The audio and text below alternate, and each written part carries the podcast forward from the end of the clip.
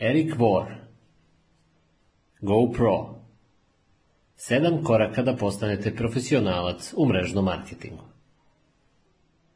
Uvod Sjećam se dana kada sam se po prvi put susreo s mrežnim marketingom. Bilo je to u januaru 1988. godine. Imao sam 23 godine i prodavao sam nekretnine za malu kompaniju koja je bila u vlasništvu mog oca i njegovog prijatelja Johna Joycea. Tek sam se oženio i dobio sina. Već sam zapadao u dugove sa mojim računima i toga sam se prepao. Godinu dana pre toga sam zaradio oko 45.000 dolara zahvaljujući provizijama kod poslovanja s nekretninama, što je bila dobra stvar. Problem je bio u tome što sam ja potrošio 60.000 dolara i nisam stvorio nikakvu ušteđevinu kako bih platio poreze koji su mi trebali stići na naplatu za nekoliko meseci. Kada je John Joyce jednog dana prišao mom radnom stolu i rekao Erik, mislim da sam pronašao način kako bi zaradili dodatni novac. Ja sam odgovorio, reci mi više o tome. On je kazao kako nam dobar prijatelj njegovog oca treba nešto pokazati i pozvao nas je kod sebe kući. Tako sam se smestio u kola sa Johnom i mojim ocem i odvezli smo se kod njega kako bi to proverili. Kada smo stigli, poznanik nas je odveo u svoj dnevni boravak, ubacio kasetu u videorekorder i pritisnuo dugme play. Ja sam sedeo i gledao taj blesavi video. Video je bio ispunjen e, vilama i limuzinama, kao i pričama ljudi koji su tvrdili da su stekli bogatstvo doslovno preko noći. To je sve izgledalo toliko pretrano, da nisam mogao poverovati da sve to može biti istina, tako da sam se okrenuo drugima i saopštio da je to loša ideja i da nisam zainteresovan. Moji mentalni filteri to jednostavno nisu prihvatali. Zatim se dogodilo nešto zanimljivo. John i moj otac su rekli, ok, ovo je sve i onako loše. Svejedno ćemo to uraditi. Ovo je imalo veliki učinak na mene jer je jedina gora stvar od bankrota i zaduživanja bila pomisao vidjeti njih dvojicu kako zarađuju ogroman novac bez mene. Zatim sam promenio stav, pozvao sam oca na stranu i zamolio ga da li je u mogućnosti da mi pozajmi nešto novca kako bih se i ja u to upisao. Bogu hvala, pristao je, jer je odluka da postanem član mrežnog marketinga u celini promijenila moj život. Kada sam započeo sa poslom, odnosio sam se spram mog posla kao što se odnosi većina ljudi. Hoću reći da ga nisam tretirao uopšte kao posao. Učanio sam se, obavio sam nekoliko telefonskih poziva i nadao se da će vremensko planiranje i moja pozicija za mene biti dovoljna kako bih i zaradio nešto novca. I iz prve je sistem funkcionisao. Ja sam zaista zaradio nešto novca što je vrlo uzbuđujuće, iako bi sada bilo vreme da vam i nešto otkrijem. Tokom onih prvih nekoliko meseci, moja celokupna strategija je bila pozvati sve kontakte moga oca pre nego on sam dođe do njih. Mislio sam da ako ih ja nazovem i kažem da su uključeni moj otac i John Joyce i da ih dovedem na sastanak ili kako bi pogledali video, budu i zainteresovani da se moj otac neće buniti ko će tom prilikom zaraditi pošto sam ja onako radio u njegovoj kompaniji. Sa ovom taktikom sam postigao ograničenje uspjeh, ali kako sigurno i mislite, nije dugo potrebalo. Tokom tri meseca nakon što sam započeo sa poslom, moji prihodi od mrežnog marketinga su prestali doticati.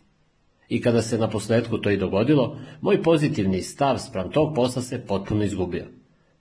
Pokušao sam kriviti sve i svakoga kao uzroke nedostatka mog uspeha.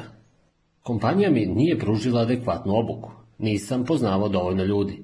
Niko nije poštao jer sam bio vrlo mlad. Krivio sam proizvod, krivio sam kompaniju, krivio sam ekonomiju, krivio sam sve i svakoga osim sebe. Međutim, imao sam veliki problem. Svaljivanje krivice na svet mi nije pomoglo da platim moje račune. I ja sam se odaljio od trgovina nekretninama nakon što sam primio ček na ime provizije. Bilo mi potrebno previše vremena kako bih dobio proviziju od prodaje nekretnina, kao što nisam ni imao fakultetsku diplomu, tako da mogućnost zapošljavanja na pristojnom radnom mestu nije dolazila u obzir. Jedino mesto na kome sam mogao postići tok novca jeste radom u mrežnom marketingu. Tada sam sagao glavu i vratio se na posao. U početku nije bilo lako. U suštini, tokom moje prve tri godine obnavljao sam svoju organizaciju sedam puta – Potigao bih financije na noge i struktura bi se urušila, i tako redom, uvek iznova i iznova. Nakon tri godine bio sam više nego beshrabren, gotovo da sam izgubio svaku nadu. Tada se nešto dogodilo što je promenilo moj život. U suštini, radilo se o sprezi dve stvari. Bilo je to veče, pre konvencije kompanije gledao sam emisiju na televiziji. U studiju su ugostili gosta koji je bio stručnjak iz područja kojeg se sad tačno ne mogu setiti. Ono što mi je sevnulo u mislima je da kako čovek može postati stručnjak iz tog područja. Jedinu stvar koju sam mogao da setim je da su takvi ljudi sigurno odlučili postati iskusni kako bi naučili sve što su mogli, pročitali svaku knjigu, razgovarali sa drugim osobama i savladali materiju kako bi postali stručnjaci. Sljedeći dan sam otišao na konvenciju kompanije i gledao sam super zvezde kako se menju na pozornici i tada sam se osjetio kao pogođen munjom. Konačno mi je sinulo da ako zaista želim da se bavim time, mogu da postanem stručnjak iz područja mrežnog marketinga. Mogu se fokusirati na svoje veštine. Mogu vežbati dok ne postanem stručnjak i nikome neće moći zaustaviti. Sve do tog trenutka samo sam gledao kako da se izvuče. Uvijek sam se nadao da će mi se posrećiti. Nadao sam se da će me jedna takva super zvezda finansirati i da će se sve promeniti u mom životu i bojao sam se da ne propustim svoju šansu pre nego što bude kasno. Istog trenutka sve se promenilo. Shvatio sam da nisam trebao brinuti da li će mi se posvećiti. Vremenski termin i pozicioniranje je bilo dobro, ali ne i neophodno za moj dugoročni uspeh. Nisam trebao da brinem o gornjim strukturama, poznavajući prave ljude ili bilo šta drugo. Sve što sam trebao da učinim jeste da postanem stručnjak već sljedeći dan sam odlučio da promenim svoj fokus i razvijem veštine kako bih postao marketinški mrežni stručnjak. To je bio dan kada mi se promenio život. Od tada, moj život je postao uzbudljiv avantur. Mrežni marketing je za mene postala karijera. Imao sam potpunu slobodu vremena. Upoznao sam najupečatljivije osobe širom sveta. Bio sam u mogućnosti dotaći živote stotina hiljada ljudi, putovati po celom svetu, učestvovati u događanjima koje su za mene bila važna i, što je još važnije, da sam tokom godina postao bolja osoba. Sve ovo se dogodilo meni, a sve to se također može dogoditi i vama. U ovoj knjizi pružit ću vam temeljne principe koje vas mogu voditi kako biste postali mrežni marketinški stručnjak. Te su me veštine dobro služile tokom proteklih nekoliko decenija, a siguran sam da će dobro služiti i vas. Dobrodošli u uzbudljivu novu avanturu. Prvo poglavlje. Mrežni marketing nije savršen, jednostavno je bolji. Da li se osjećate uznemireno? Da li ste nezadovoljni? Da li smatrate da bi trebao da postoji bolji način kad se radi o vašem poslu, kao i način na koji zarađujete za život? Donosim vam dobre vesti. Postoji bolji način, međutim, vrlo je različit nego onaj koji su vas učili u školi. Dopustite da vam objasnim. Dok predajem i putujem širom sveta, Volim da se igram sa učesnicima mog seminara. Uvijek zapitam ljude da mi pomognu da stvorim konačan posao i da mi kažu određene stvari koje bi volili da imaju kao sastavni deo svoga posla, kao i stvari koje bi najradije izbjegli. Uvijek dobijemo poduži popis zanimljivosti. Da se mi moramo međusobno suočiti, sa vama bih uradio istu stvar – Međutim, kako nismo u nekom zajedničkom kontaktu, dopustite mi da sažmem ono što su mi rekli ljudi iz 30 država dok su stvarali ono što ja nazivam savršeni popis aktivnosti u karijeri. Ljudi obično počinju imenovati stvari koje ne žele. Ne žele imati šefa, ne žele da putuju na posao, ne podnose jutarnje buđenje, ne žele kontakt sa zaposlenima, ne žele politiku, ne žele kompromise, ne žele diskriminaciju i ne žele da se dodatno edukuju. I zatim, kada ljudi počnu da primenjuju svoju imaginaciju na pozitivan način, počinju da vizualizuju neke pozitivne atribute, poput razmišljati pozitivno, kvalitetan proizvod ili usluga, neograničeni prihodi, ostvarenje dodatnog prihoda, članovi se ugodno osjećaju tokom rada s drugim ljudima, raspolaganje slobodnim vremenom, ulaganje u nešto svrsishodno, lični rast, mali rizik, niski početni troškovi, ekonomski dokazana metoda, beneficije na porez, zabava. Sada i vi sami možete dodati poneke atribute, ali zar se ne slažete da bi ova šema predstavljala prilično dobar start? Zamislite da možete da uživate karijeru sa svim ovim atributima. Svi poslovi koji su mi poznati spadaju u jednu od pet sljedećih kategorija. Poslovi takozvanog plavog okovratnika, poslovi takozvanog belog okovratnika, trgovci, vlasnici tradicionalnih poslova i investicioni stručnjaci ili brokeri.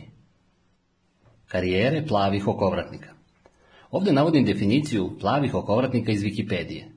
Radnik sa plavim okovratnikom je pripadnik radničke klase koji vrši ručni fizički rad. Moja definicija je da se radi o radnicima koji rade na popravcima, izradi proizvodnji, čišćenju, izgradnji ili usluživanju nečega ili nekoga. Tokom mog života obavljao sam svakojake poslove iz grupe plavih okovratnika. I za bilo koga koji je ikada bio uključen u ovaj tip delatnosti, postoji izvesno zadovoljstvo nakon svakog dobro obavljenog posla. Međutim, ovdje se postoje jedno bitno pitanje. Da li radnici plavih okovratnika mogu doprineti popisu savršene karijere? Očiti odgovor je da ne mogu. Ipak mogu doprineti barem nekim atributima mogu imati jako dobar proizvod, niske početne troškove rada ili bilo koje druge pojedinačne stavke na popisu, ali ako ih bolje pogledate, plavi okovratnici vas ne mogu dovesti do onog nivoa gde želite biti. Svakako ne do savršene karijere. Karijere belih okovratnika. Ovdje navodim definiciju radnika belog okovratnika iz Wikipedije. Pojam beli okovratnik se odnosi na osobu koja obavlja stručne, menadžerske ili administrativne poslove kao suprotnost radnicima plavih okovratnika čiji posao zahteva fizički rad. Tipično se posao belog okovratnika odvija u kancelariji ili u pregrađenom delu neke kancelarije. Moja definicija jeste da je to osoba koja je zaposlena od strane poslodavca na obavljanju svih drugih poslova sa izuzetkom fizičkog rada ili prodaje. Većina ljudi izabere karijeru belog okovratnika što je jedno od dostupnih, najprihvatljivijih socijalnih opcija. Dugo vremena se na ovu delatnost gledalo kao na sigurnu opciju. Naravno, to se promenilo. Ugovor koji ste potpisali sa kompanijom i koji vas je obavezivao na lojalnost prema kompaniji kao i kompanije prema vama, odavno više ne postoji. Toko moje karijere ja sam bio radnik u poslovima belog okovratnika. U skladu sa mojim mišljenjem, postoji dva tipa ljudi koji obavljaju ove poslove – oni koji postižu visoke rezultate i oni koji se skrivaju i povlače od drugih. Oni ambiciozni žele postići rezultate na visokom nivou. Takvi ljudi su ambiciozni, motivisani i prodorni. Puni su ideja i žele se popeti za stepenicu više na korporacijskoj lestvici, što su odlični lični atributi. Međutim, postoji druga, negativna strana koje proživljavaju takve osobe. Onoga trenutka kada se osoba odluči za provođenje svojih ambicija u delo, postaje meta. Takvu osobu njegov šef doživljava kao pretnju za njegov posao, tako da dotičnog pojedinca pokušavaju održati na postojećoj poziciji ili mu narušiti reputaciju.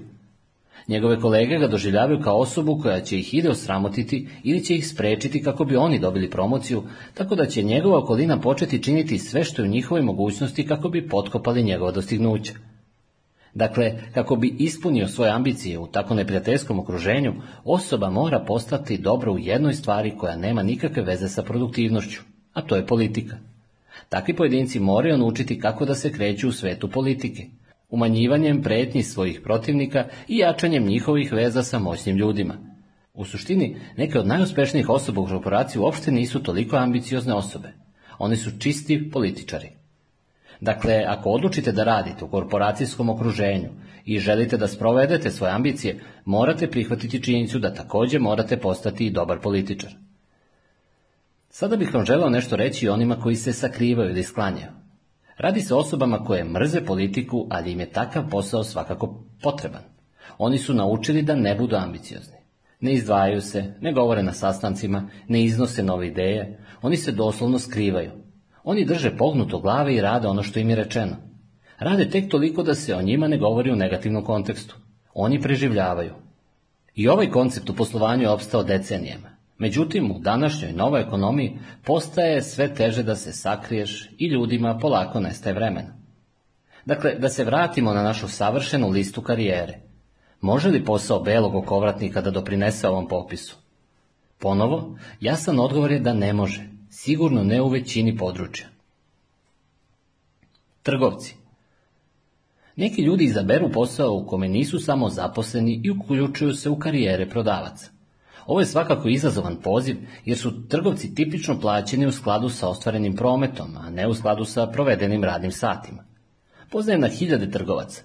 Tokom godina moje karijere primetio sam uobičajeno ponavljanje obrazaca u ponašanju. Tipični trgovac će imati period u svom životu kada će se sve uredno odvijati, sve što učine u poslu pozlati će se i zaradit će dobar novac. Čim se to ostvari, u većini slučajeva će prilagoditi svoj životni stil u skladu sa nivom novopridošlih prihoda. Kupit će novu kuću, nabaviti nov automobil, premestit će decu u bolje škole, kupiti vikendicu. Sve je to sjajno, ali je kratkog veka i tada dolazi do promjene. Kompanija će promijeniti kompenzacioni plan, smanjit će se operativna teritorija, pojavit će se konkurencija, izgubit će svog najboljeg kupca, ekonomija će potonuti u recesiju, pojavit će se nova tehnologija koja će učiniti njihovu ponudu manje vrednom ili će se vladinim regulativama promijeniti njihova industrija. To su samo neki od primjera. Postoji još stotinu razloga zašto će se svet poslovanja trgovaca dodatno zakomplikovati. Kada se desi nešto od navedenog, takav luksuzan životni stil koji su prihvatili više nije moguće financijski održati i sada ni 40 sati rada nedeljno neće biti dovoljno kako bi se podmirili svi računi. Zatim se trgovci posveću poslu 50 sati, zatim 60 sati i nakon toga 70 sati nedeljno i njihovi životi postaju sve manje značajni. Da, imaju sve što im je potrebno, ali nemaju vremena da uživaju u stečeno materijalnom bogatstvu. Drugi izazov za karijeru trgovca jeste da bez obzira koliko je pojedinac uložio energiju u svoj posao, on svaki sljedeći dan započinje svoj posao praktično od nule. Navedeno može biti vrlo iscrpljujuće tokom dužeg vremenskog perioda. Može li trgovac koji je ostvario karijeru platiti sve svoje račune? Naravno da može. Ali može li doprineti popisu savršene karijere koji smo prethodno opisali? Ponovo, odgovor je negativan. Vlasnici tradicionalnih poslova – neki ljudi kao opciju izaberu i ostvaruju svoje velike snove, grade svoje sobstveno poslovanje gdje su u šefovskoj poziciji. To je uzbudljiva ideja, zar ne? Ovdje navodimo primere realnosti za većinu ljudi. Prvi korak. Koriste svoju životnu ušteđevinu. Zadužuju se i mnogo puta posuđuju novac od prijatelja i porodice kako bi počeli s poslom. Drugi korak. Zadužuju se još i više u obliku leasinga i ličnog jemstva u praktično bilo kom području. Treći korak. Sada, umesto da se fokusiraju na ono u čemu su vrlo dobri, recimo da su dobri u prodaju, odlučili su da pokrenu sobstveni posao, oni vrše različite usluge mnogim drugim ljudima. Oni deluju kao tuženi u pravnim postupcima, računovođe za financijska pitanja, čuvaju decu drugim zaposlenima, pregovaraju kod naručbina i deluju za pitanja potraživanja. Čak i iznose smeće iz zgrade do kontejnera. Bave se svim i svačim osim prodajom, odnosno sa aktivnostima u kojima su posebno dobri. Četvrti korak. Bore se svakodnevno. Umjesto da posjeduju posao, posao posjeduje njih. Oni su prve osobe koje se pojavljuju na radnom mestu i posljednji napuštaju radno mesto. Čak i nakon što su svi zaposleni plaćeni, možda budu u mogućnosti da ponesu sa sobom kući dovoljno novca kako bi platili sobstvene račune, ne računajući smanjenje dugovanja. Oni su ipak odlučili da pokrenu posao što im je na prvo mesto. Peti korak. Uspevaju ili propadaju u svom poslu bilo da postignu uspeh u poslovanju ili ne uspeju u poslu, u većini slučajeva ipak popunjavaju zahteve za bankrotom ili se vraćaju na radna mesta u korporacijama ili na poslove prodaje. Čak i ako takvi pojedinci postanu uspješni, to obično znači životni vek ispunjen dugim radnim satima i stresom. Zvuči romantično, zar ne? Ako do sada još niste pokrenuli svoj sobstveni posao, zamolite prijatelja koji je pokrenuo svoj posao da vam pojasni stvari ako vam se ovaj opis ne čini dovoljno vjerodostojan. Većina ljudi koji započinju svoj sobstveni tradicionalni posao nisu zabrinuti na povraćaj za svoje investicije. Oni žele povraćaj svojih investicija. Prilično jasno da vlasnik tradicionalnog preduzeća ne može da proširi popis za ostvarenje savršene karijere koju smo prethodno opisali. Investicioni stručnjaci ili brokeri Posljednja kategorija koja predstavlja način zarađivanja za život u današnjem svetu su investicioni stručnjaci ili brokeri. Šta vam je potrebno kako biste mogli da počnete da investirate? Novac, zar ne? Ako nemate dovoljno novca, bit će vam vrlo teško da živite od povraćaja na vaše investicije, posebno ako pokušavate da budete konzervativni u pristupu kako biste smanjili rizik od gubitka. Recimo da se bavite ovim poslom. Šta je sljedeće što vam je potrebno kako biste postali uspešan investitor? Potrebna su vam izuzetna znanja i veštine. Tokom godina sam upoznao toliko ljudi koji su postali vešti investitori, odnosno brokeri nekretnina, da ih nisam u mogućnosti uopšte nabrojati. Međutim, kako se stvari drastično promene na tržištu nekretnina, njihove veštine im više ne mogu pomoći i dosta gube. Da li ste vi voljni investirati u nečiji tradicionalni mali posao? Želim vam puno sreće. U većini slučaja vi nećete biti investitor, nego ćete postati filantrop. Šta reći o berzama? Ljudi na berzama odlično zarađuju, zar ne? Nekolicine ih dobro zaradi i to s vremena na vreme. Međutim, poznajem više ljudi koji su izgubili na berzi nego dobili, posebno tokom posljednje decenije. Vrlo je teško zagarantovati povraćaj novca, naročito ako niste ta osoba koja kontroliše financije. I verujte mi, kao investitor vi nemate kontrolu. Bilo šta se može dogoditi i može se dogoditi preko noći. Ispričat ću vam događaj kako bih ilustrovao svoje mišljenje. Tokom kasne 2001. godine živeo sam vrlo raskošno. Upravo sam prodao svoju kompaniju i postao sam suosnivač za posao vrlo visoko plaćeno konsultanta. Za moj deo prodaje dobio sam oko 170.000 deonica sa berze od nove kompanije. Deonice su bile javno obznanjene na berzi Yorka i prodavale su se 44 dolara po komadu, što znači da je ukupna vrednost mojih deonica iznosila oko 7,5 miliona dolara – Imao sam vrlo visoka primanja i portfelj. Život je bio dobar. Koristio sam deo vrednosti deonica kako bih osigurao građevinski kredit od oko 2 miliona dolara za gradnju kuće iz mojih snova. Ostatak nisam razvrstao jer sam znao da je kompanija u dobrom stanju i da proizvodimo dobar proizvod sa začuđujućom snagom prodaje. Tada se dogodilo nešto što je bilo izvan moje kontrole.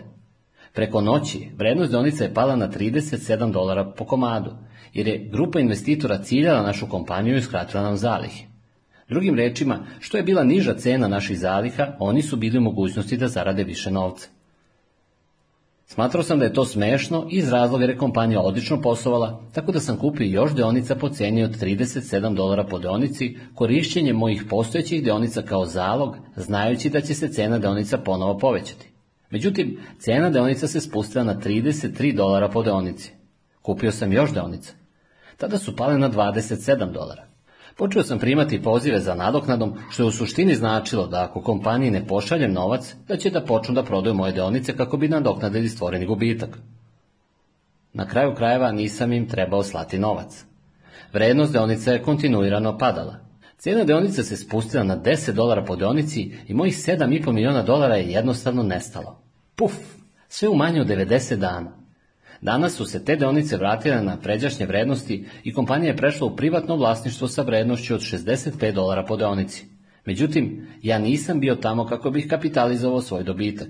Jednostavno sam bio izbrisan. Da li sam mogao raditi pametnije? Svakako. Da li sam napravio greške? Apsolutno.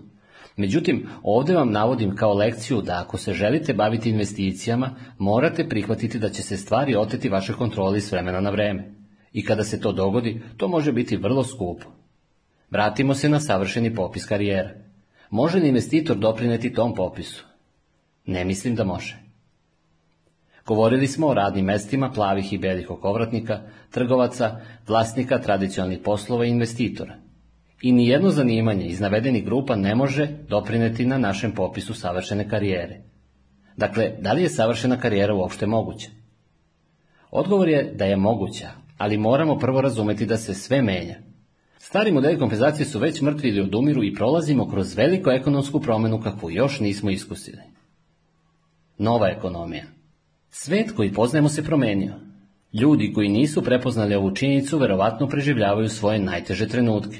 Za ljude koji su u mogućnosti bili da prepoznaju ovu priliku, to će biti najbolja vremena. Tokom posljednjih sto godina pojavio se zanimljiv fenomen. Rast korporacija je postala norma u društvu. Sigurno i poštovano radno mesto za ljude kako bi osigurali svoju egzistenciju jeste radno mesto zaposlenika. Prvi korak. Idete u školu i učite kako biti zaposleni. Drugi korak. Pronađete kompaniju koja će vas zaposliti. Treći korak. Radite za tu kompaniju punih 40 godina. Četvrti korak. Odlazite u penziju. Tokom proteklih decenija, obećanje kako ćete biti nagrađeni od strane kompanije za vašu lojalnost i vredan rad se pretvorio običan mit.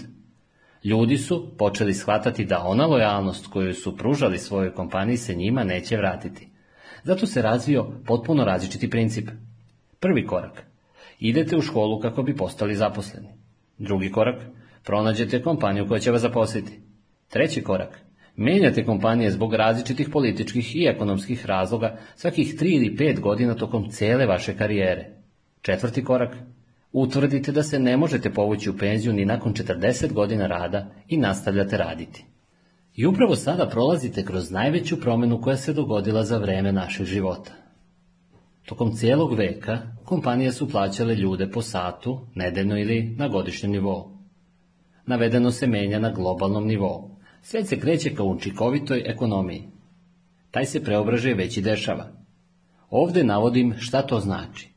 U budućnosti ćete biti plaćeni samo za ostvarenu učinkovitost. Više nećete biti plaćeni za vaše vreme.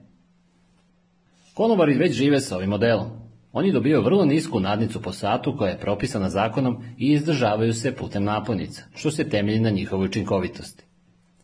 Ako zamislite da će se ovakav model poslovanja primeniti na praktično bilo koji posao bilo gde u svetu, uviđate šta nam dolazi. Na primjer, osoba koja čisti sobe u hotelima više neće biti plaćena po satu. Biće plaćena po pojedinoj sobi. Ovdje ću navesti kao primjer plaćanje kancelarijskog službenika. Osoba zarađuje 60.000 dolara godišnjih primanja. Prvi korak. Kompanija će sniziti platu na nekih 50.000 dolara zbog razloga što se na današnjem tržištu rada mogu pronaći drugi ljudi koji su voljni prihvatiti posao za manji novac. Drugi korak smanjit će se temeljni iznos plate, osnovica, na oko 20.000 dolara godišnje. Treći korak.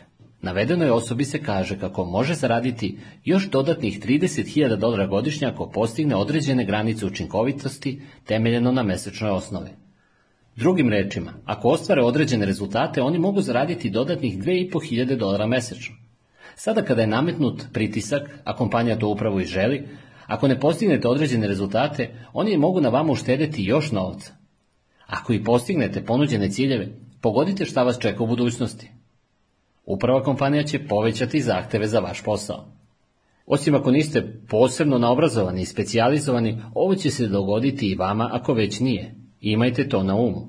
I to će se dogoditi u svakom pojedinom zvanju širom sveta. Evolucija je započela. Zašto se ovo događa? Prvo, to je bolji financijski model za kompaniju. Kompanija će dobiti bolje rezultate uz manje troškove. Drugo, novoj ekonomiji će trebati manje ljudi, tako da kompaniji preostaje sve više ljudi koji se takmiče za sve manje radnih mjesta. Dopustite da vam objasnim zašto je novoj ekonomiji potrebno manje ljudi. Eksponencijalnim rastom tehnologije se do, došlo do temeljnih promjena. Tokom stogodišnjeg razdoblja 90% populacije je bilo zaposleno u poljoprivredi. Danas, zahvaljujući dramatičnom povećanju produktivnosti, poslovi u poljoprivredi izuzimaju manje od procenta i doba poslova na farmi je postala prošlost. Sjećate li se poslova uslužnih delatnosti servisnih poziva za pomoć klijentima u vreme kada ste razgovarali sa ljudima? Danas razgovarate sa automatom i tih poslova više nema. Sjećate li se vremena kada je kompanija imala veliki broj zaposlenih prodavaca? Danas ljudi naručuju i kupuju online i ti poslovi prodavaca su ukinuti. Sjećate li se blockbuster filmova i prikazivanja u bioskopima? Danas ljudi mogu da gledaju filmove na svom laptopu ili tabletu i tih poslova također više nema. Mogao bih vam nabrajati u nedogled poslove u vezi sa svakim zanimanjem u svetu. Tehnologija i produktivnost svakodnevno ukidaju poslove i radna mesta i ne postoji ništa čime bi mogli zaustaviti takav trend. U suštini ovaj trend će se samo dalje ubrzavati. Ako samo sedite i očekujete da će se ekonomija vratiti kao izgubljeni poslovi, bolje ne gubite vreme. Takvi poslovi se više nikada neće vratiti. Upravo poput decena na farmi koja su ugledala grafite na zidovima farme i odlučila napustiti farmu u potrazi za novim zanimanjima, identična situacija se sada dešava ljudima koji rade na poslovima u staroj ekonomiji. Kako bi opstali, potrebno je da širom otvore oči i susretnu se sa novom realnošću i za sebe pronađu neku novu priliku mrežni marketing je bolji. Najbolja rješenja, ne samo za preživljavanje novih situacija, već i za postizanje uspjeha u novoj ekonomiji, možete pronaći u mrežnom marketingu. Danas u svetu postoje važni proizvodi i usluge koje je potrebno promovisati ljudima kojima je to potrebno. Potrošače je još uvijek potrebno edukovati. Kompanije imaju izbor. Mogu se posvetiti fragmentiranom klasičnom oglašavanju, mogu da unajme veliku i skupu kompaniju za oglašavanje kako bi prodali svoje proizvode ili usluge, ili mogu koristiti mrežni marketing. Sve više kompanija bira mrežni marketing jer se uklapa u koncepciju nove ekonomije. Oni mogu pružiti potpuno korporativnu podršku i platiti distributere na osnovu produktivnosti kod promocije njihovih proizvoda. Ovaj sistem je vrlo efikasan u novoj ekonomiji, jer se oglašavanje putem prenesene reči nastavlja promovisati kompanija bilo bolje od bilo kog drugog oblika promocije.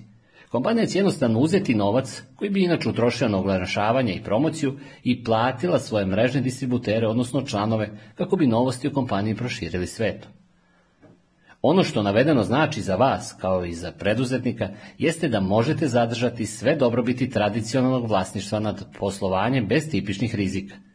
I neće postojati prag za prili vaše zarade, iz razloga jer mrežne, marketinške kompanije trebaju vas – ako želite platiti za efikasnost, zašto biste živjeli sa ograničenjima? Kvaka u mrežnom marketingu. Sve što sam do sada naveo dobro i sjajno zvuči, međutim postoji kvaka za koju vam mnogi ljudi neće reći, a to je sljedeće. Morat ćete prihvatiti privremeni gubitak socijalnog poštovanja od strane ignoranata. To znači da vas tokom izvesnog vremena neće ceniti ljudi koji još uvijek funkcionišu u starom sistemu. Oni to neće razumeti. Misli da ste ludi što se uopšte upuštate u mrežni marketing. I stvarno, reč prihvatanje nije u celini tačna. Morate pokazati više od toga. Privremeno ćete prihvatiti manjak socijalnog poštovanja od ljudi koji će vas ignorisati. Vi ćete vidjeti budućnost i pre nego što postane očito svima drugima. Vi ste onaj koji je pametniji. Vi ste osoba koja preduzima mere kako bi živela boljim životom. Postoji razlog zašto će ljudi imati lošije mišljenje o vama, i to ne samo što se povode za starim sistemom. Dopustite mi da vam pomognem objasniti kako bi navedeno i bolje razumeli, jer ako se odlučite baviti profesijom mrežnog marketinga, to je važno da znate. Većina ljudi se ili pridružila kompanijama koje se bave mrežnim marketingom ili poznaju nekoga kome je to zanimanje. Navodi vam šta pomisli gotovo svaka osoba koja se želi uključiti u mrežu. Hm, poznajem pet ili šest ljudi koji bi također mogli da rade ovaj posao. To bi mogla raditi moja sestra, to bi bilo sjajno. Moj prijatelj voli ovaj posao. Poznajem još jednu osobu koja bi se mogla odlično pokazati. Ok, pristajem. Drugim rečima, ne pridružuju se profesiji. Jednostavno se nadaju da će im se posrećiti. Upišu nekoliko poznanika kako bi pokrili troškove sobstvenog upisa i zatim mirno čekaju da im novac počinje pristizati. Zov kako biste bili plaćeni za nečiji tuđi trud je moćan i privlačan, ali se često potpuno pogrešno razume. Takvi ljudi nisu ni počeli ozbiljan posao. Oni su samo kupili tiket za loto. Zamislite tiket na kojem se na šest mesta mogu grebanjem otkriti skriveni brojevi. Ova mesta bi figurativno predstavljala svakog pojedinca za koje nova osoba misli da će im se pridružiti. Oni pristupaju tim ljudima i pokušaju ih privoleti da se uključe i zbog nedostatka veština mnogi ne uspevaju, odnosno nadaju se s na loto. Ovo za njih postoji još jedna izgubljena prilika i od kako su se postavili tako što ignorišu veštine koje su prethodno morali steći, ovim potezom mogu također narušiti i neka dobra prijateljstva. Zatim iscepaju svoj tiket i umjesto da preuzmu odgovornost zašto ozbiljno nisu započeli svoj novi posao, krive mrežni marketing i potrude se da svima koje poznaju i objave, Gledajte, bio sam kod njih, učinio sam sve što sam trebao. Razgovarao sam sa svakom osobom koju poznajem i mrežni marketing jednostavno ne funkcioniše. Ne bacajte novac uzalud. Ovo je sa čim se susrećete ako mrežni marketing izaberete kao profesiju. Mišljenje ignoranata koji misle da su dobro postupili i da sistem ne funkcioniše. Ako vam je teško da se nosite s navedenom činjenicom, mrežni marketing nije za vas. Međutim, ako ste odlučili da prihvatite ovaj posao, ceo svet će biti vaš. Ljudi koji prihvate ovaj posao su dobro plaćeni. Kompanije su vojne da plate neograničene količine sredstava ljudima koji će pomoći i slepcu da progleda, odnosno koji će edukovati ljude koji ignorišu ovaj posao i koji mogu da izglede zajednicu istomišljenika. Neki ljudi vole reći kako je percepcija odraz realnosti. Mrzim tu uzrečicu. Sve su je velike svetske vođe ignorisale vekovima. Šta da je Nelson Mandela kazao da je percepcija realnost? Šta bi se dogodilo da je Martin Luther King Jr. kazao da je percepcija realnost? Šta da je Steve Jobs kazao da je percepcija realnost? Velike svetske vođe kažu, realnost je realnost, a ja ću učiniti sve što je u mojoj moći da pomognem ljudima da razumeju tu činjenicu. Istina je da mrežni marketing nije savršen. Jednostavno je bolji. I to je realnost. Drugo poglavlje. Ako želite da se uključite u mrežni marketing, odlučite da budete profesionalac. Odlučite se za GoPro. Postoje tri kategorije ljudi u mrežnom marketingu. Sve sam ih video i bio sam u svakoj od njih. To su pozeri, amateri i profesionalci. Pozeri.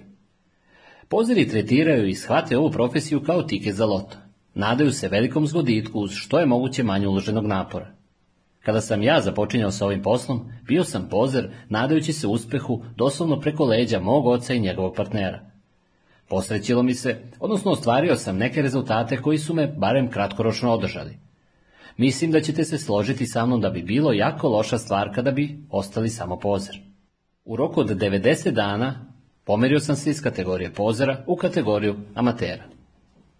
Amateri Amateri se fokusiraju na različite stvari.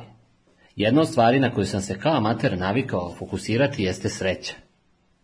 Samo sam se nadao da će mi se posvećiti i da ću potpisati sa nekim distribucijskim divom koji bi mi učinio bogatim čovekom. Svi smo mi čuli svakojake priče o osobama kojima se promenio život jednim potpisom.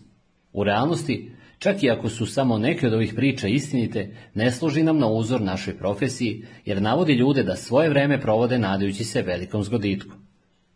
Druga važna stvar na koju sam se kao mater fokusirao je bila vremensko planiranje. Uvek sam bio zabrinut za vreme koje sam imao na raspolaganju. Da li sam prerano ušao ovaj posao? Mogu li postati najmlađa top osoba u kompaniji?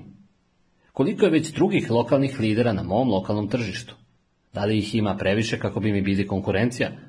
Da li ih ima dovoljno kako bi dobili pravi moment? Šta je sa kompanijom? Da li je bila prevelika? Da li sam propustio krivu rasta? Da li je kriva rasta bila premala? bio sam opsednut idejom vremenskog tempiranja. Treća stvar na koju sam se fokusirao kao mater je bilo pozicioniranje. Da li sam bio u pravoj organizaciji? Da li drugi ljudi imaju bolje pozicije od mene? Možda nisam imao pravu uzlaznu liniju. Da li bih se bolje iskazao negde drugde? I četvrta stvar na koju sam se fokusirao kao mater bile su prečice. Uvek sam tražio rupu u vremenu. Prihvatio bih svaki novi trik koji bi se pojavio. Oglašavanje u novinama, svakako. Želite li postaviti banere pored puta? Idemo to uraditi. Idemo li raznositi letke u prodajnom centru? Idem s vama. Da li idemo da se oglašavamo vrata do vrata? Idemo pokušati. Internet još nije postojao dok sam bio amater. Samo zamislite koliko bih bio lud kada bi taktike koje danas postoje na internetu postojale tada. Ono što je tada značilo jeste da svaki put kad sam čuo o nekom novom listovom pristupu koji je propagirao bilo ko bilo gde u svetu i ja sam pokušavao dokučiti i pronaći prečice.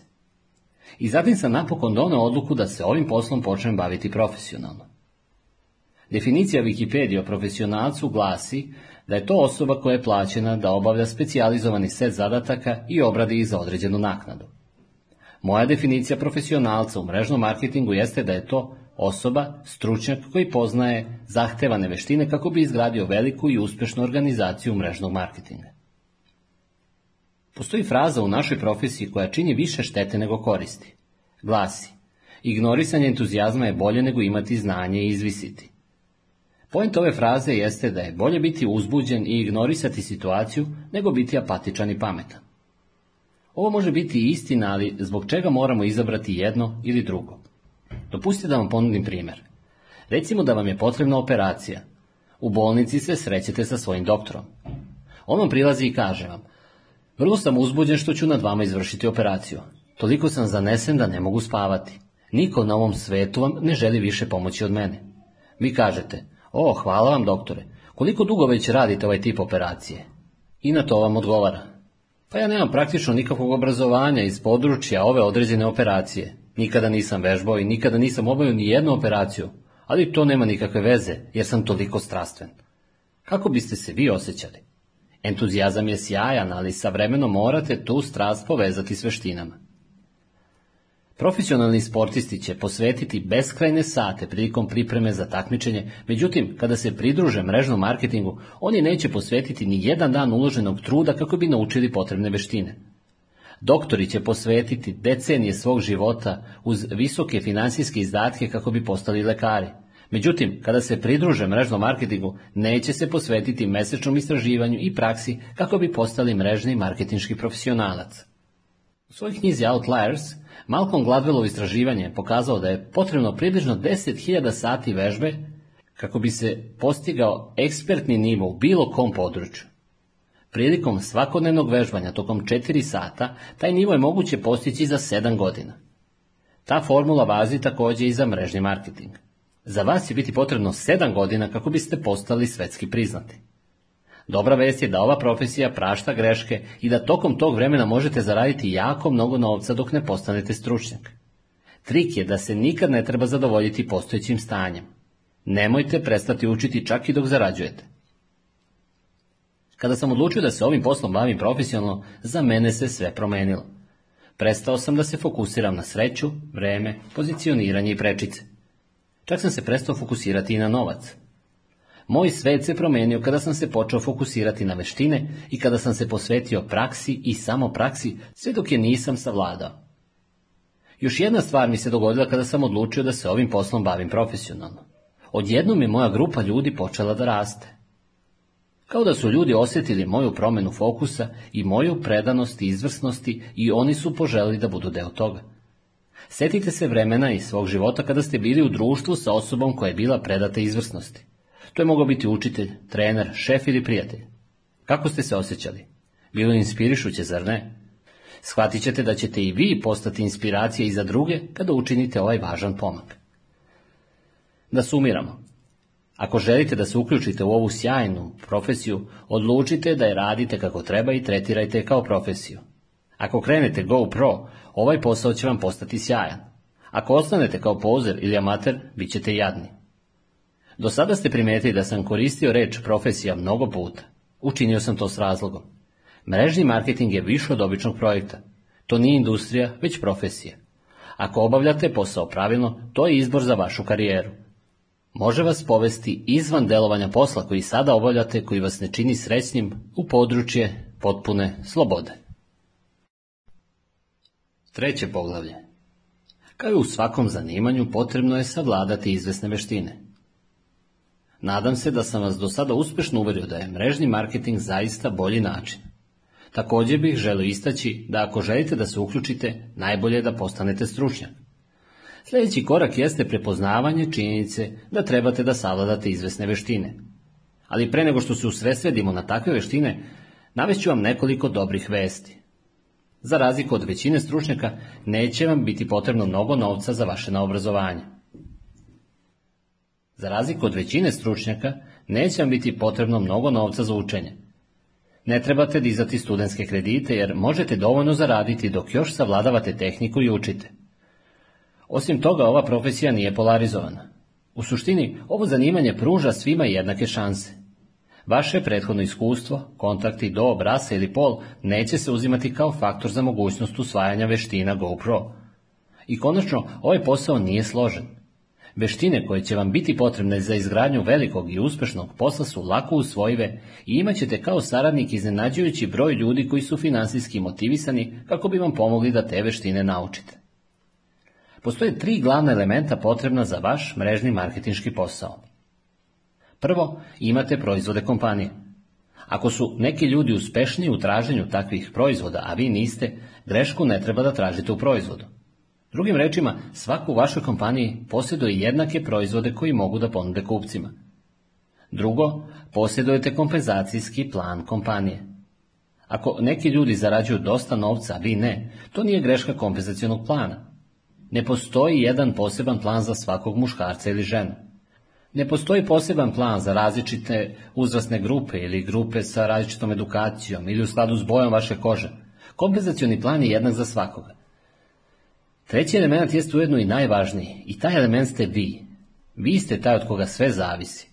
Svako posjeduje isti proizvodi i isti kompenzacioni plan, ali vi ćete napraviti razliku između uspeha i neuspeha. To znači da upravo sada morate preuzeti sobstvenu i celovitu odgovornost za vaš mrežni marketinški posao. Odlučite već danas da nećete kriviti nikoga drugoga ili bilo šta drugo ako rezultate ne postignete. U suštini, u mrežnom marketingu postoji nešto što se širi poput epidemije. Ljudi vole kriviti svoju uzlaznu liniju, ljude iznad njih u strukturi za sve svoje probleme.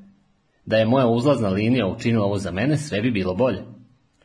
Ako ste predani, da izradite veliku i uspješnu organizaciju, volio bih da vas ohrabrim da učinite nešto važno.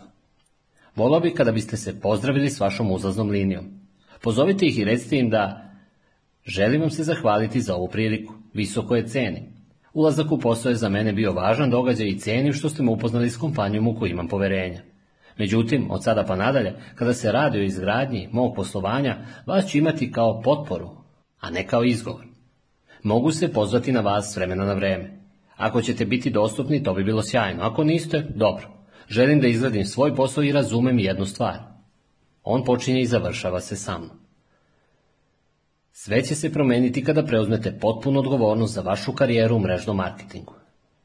Da li bi vas iznenadilo kada biste znali da postoji samo sedam temeljnih veština koje su potrebne za izgradnju ogromnog poslovanja u mrežnom marketingu?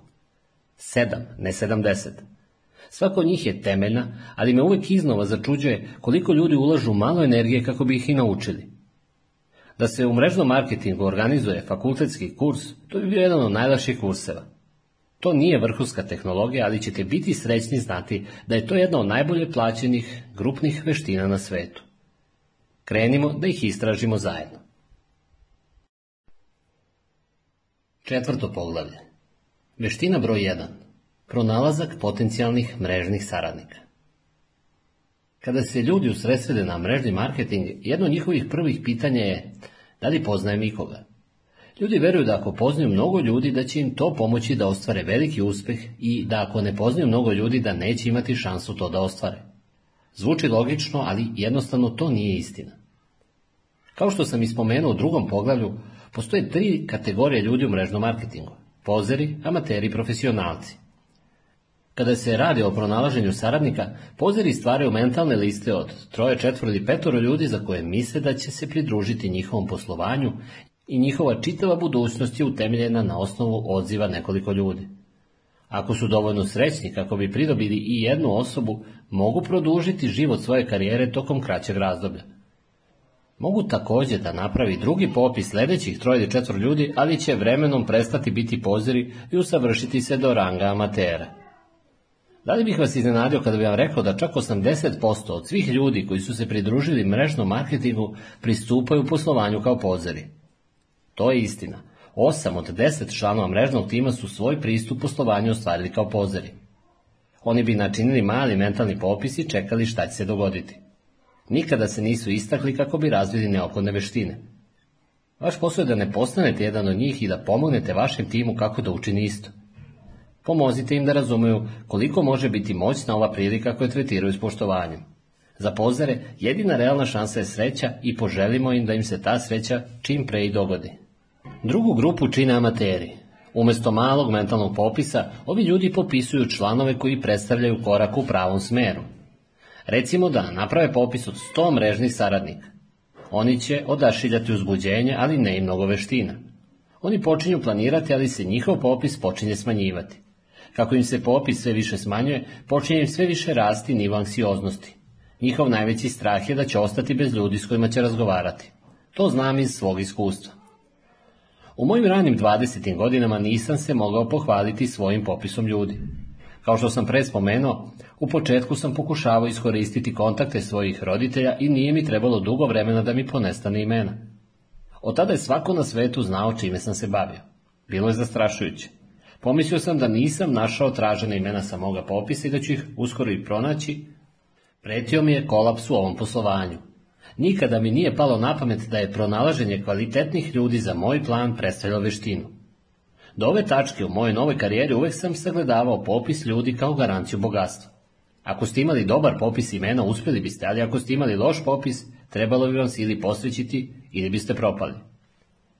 Kada sam se napokon suočio sa mojim odlučujućim trenutkom i posvetio se profesionalizmu, počeo sam proučavati ljude koji su izgradili velike i uspešne organizacije.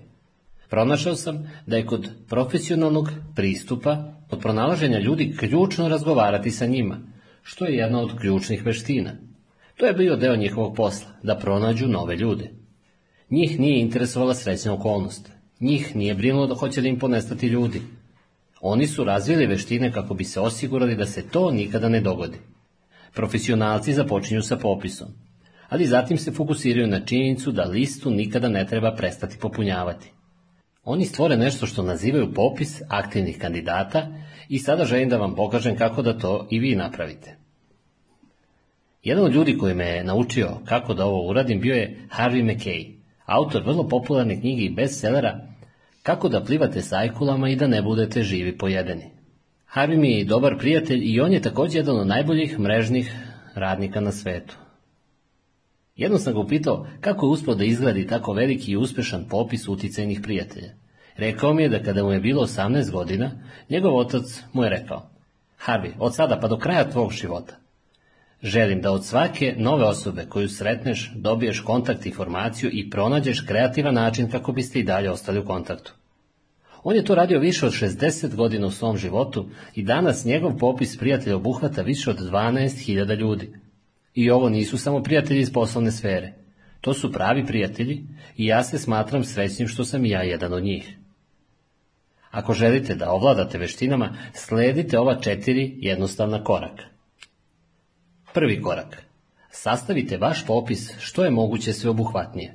Uključite svaku osobu koje možete da se setite svaku osobu, bez obzira da li vi mislite da će biti u vašem planu ili ne.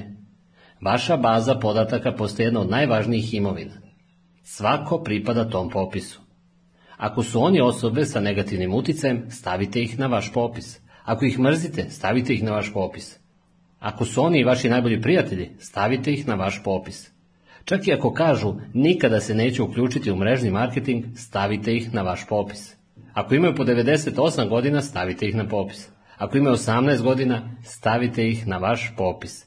Ovo je važno učiniti jer na ovaj način svojevrsno praznite svoj um na papiru i naći će se više mesta za nove klijente kako bi se i za njih pronašlo još mesta.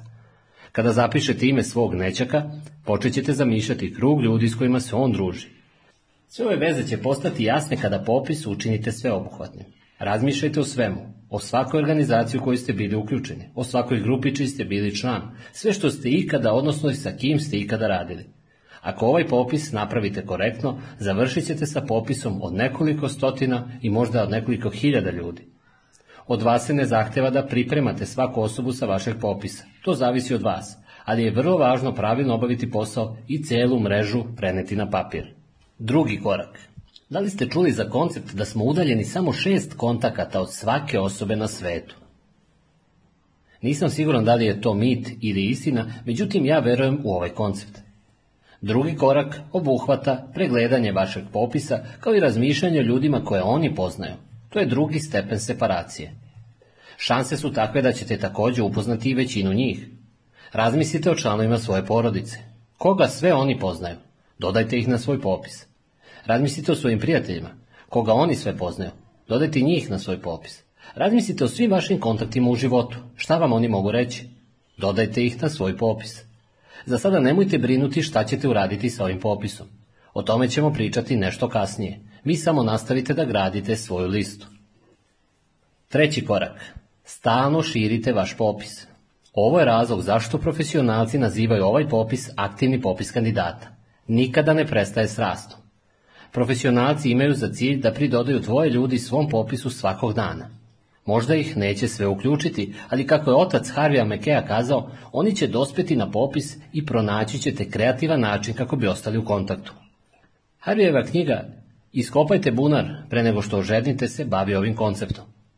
Ako ovo razmotrite kao esencijalnu veštinu, shvatit ćete da to i nije toliko teško. Vi dolazite u kontakt s ljudima svakog dana. Samo ih dodajte na vaš popis. Susrećete se sa ljudima i online na društvenim mrežama. Dodajte ih svom popisu.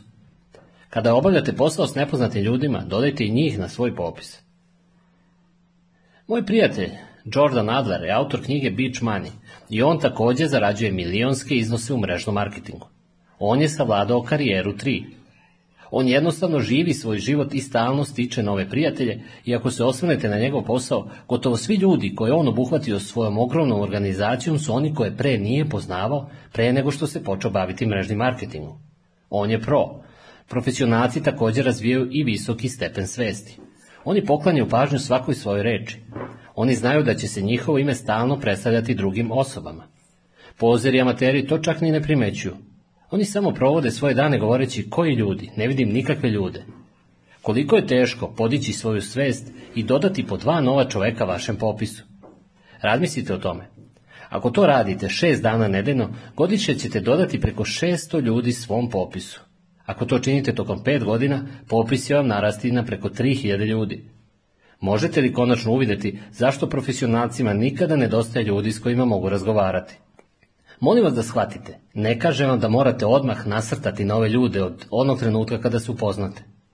Neki ljudi u mrežnom marketingu prave upravo takve greške, što nije dobro. Samo i dodajte na svoj popis, sprijateljite se s njima, razvijte međusobni odnos i kada procenite da je vreme, pokušajte da im ponudite posao kako bi razumeli čime se bavite. Četvrti korak. Izgradite mrežu sa svrhom. Profesionalci grade mrežu sa svrhom. Teško je pronaći nove ljude ako se skrivate od ljudi. Izađite među ljude. Zabavite se. Upišite se u novu teretanu.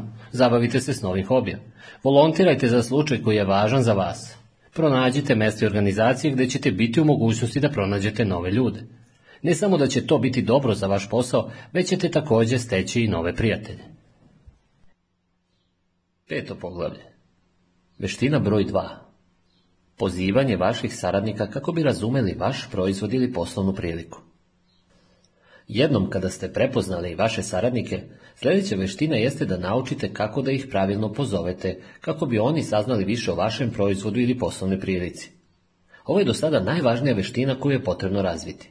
Nazivam je veštinom ulaznih vrata za mrežni marketing – ako ne uspete bilo koga dovesti kako bi pogledao čime se bavite, tada jedino možemo nagađati kako će izgledati vaša budućnost u mrežnom marketingu. Većina ljudi razmišlja da trebaju da odmah počnu sa velikom reputacijom, odnosno da posjeduju veliki utjecaj među ljudima kako bi uopšte i pogledali kakvu im priliku nudite za posao. To jednostavno nije istina. Kada sam prvo započeo s ovim poslom 1988. godine, nisam imao reputaciju ni utjecaj. Jedva sam završio srednju školu, pohađao sam jedan semestar više škole i radio na ukupno 18 različitih poslova sve do moje 23. godine. Da li mislite da sam zaslužio mnogo poštovanja u zajednici? Moj nivo poštovanja je bilo ravno nuli. I otkako sam bio plaćen 5 dolara, odnosno 10 dolara po radnom satu, svi moji prijatelji su spadali u istu kategoriju i nisu mi bili od velike pomoći. Većina njih je još živela sa svojim roditeljima. Međutim, bio sam očajan i neodgovoran. Pozivao sam sve i svakoga koga sam poznavao i nudio im svoju ponudu. Nekolicina njih mi se i pridružila, većina nije. Objavio sam oglas u lokalnim novinama. Nudio sam posao svim ljudima koji su odgovorili na moju ponudu. Od celokupne takve aktivnosti samo nekoliko njih se pridružilo. Većina još uvijek nije. Sve sam pokušavao. Bio sam poput lovca sa teretom slona na svojim leđima. Kretao sam se, figurativno govoreći, s pištoljem, odnosno prilikom u svojim rukama i pucao na sve što se kretalo. Nisam zaista mario za međuljudske odnose. Sve o čemu sam vodio računa je bilo učaniti novog čovjeka. Moj odnos prema ljudima je bio, neki hoće, neki neće, pa šta onda? Sljedeći? Zbog razloga što sam se ponašao kao lovac, svi oko mene su se osjećali kao lovina. I tako su me svi počeli izbjegavati. I nije mi bilo nimalo zabavno. Tim gore, Ljudi koji učlani u svoj krug ljudi su pokušavali pridobiti druge ljude na isti način, nisu uspevali i zatim su mi otkazivali. Nakon tri ili četiri godine frustracije stigao je moj odlučujući trenutak i započeo sam uspješno proučavati uspješne ljude u mrežnom marketingu kako bih naučio kako su oni to postigli. Ono što sam pronašao mi iznenadilo. Oni se nisu ponašali kao lovci, već pre kao farmeri. Gradili bi međusobne odnose i prijateljstva. Naučili su kako da izgrade poverenje sa ljudima koji su upoznali i bili su u mogućnosti vešto preneti njihovo verovanje koji su imali u vezi njihovih proizvoda i drugih prilika. Njihov cilj nije bio da odmah učlane nove saradnike.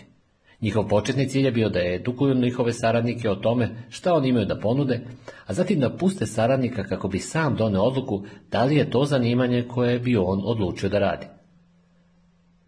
Navedeno je bilo velika promjena za moju strategiju i počeo sam da gledam na stvari potpuno drugačije. Postavio bi se u poziciju člana i razmišljao sam o tome šta bi to meni bilo privlačno, kao i alternativno šta bi aktiviralo moju odbranu. Tada sam shvatio zašto profesionalci postižu tako veliki uspjeh. Umjesto da se ponašaju poput morskih pasa, ponašaju se poput trenera ili konsultanata. Oni grade međusobne odnose i zatim nude zajednička rješenja za probleme ljudi. Ko to ne bi volao čuti? Druga stvar koju sam primetio kod profesionalaca jeste da oni ne prisiljavaju saradnike kako bi kupili njihove proizvode ili ostvarili neku drugu priliku. Umjesto toga, kada nađu prikladno vreme, samo pozovu ljude da učine jedno ili dve stvari temeljno na pojedinačnoj situaciji saradnika.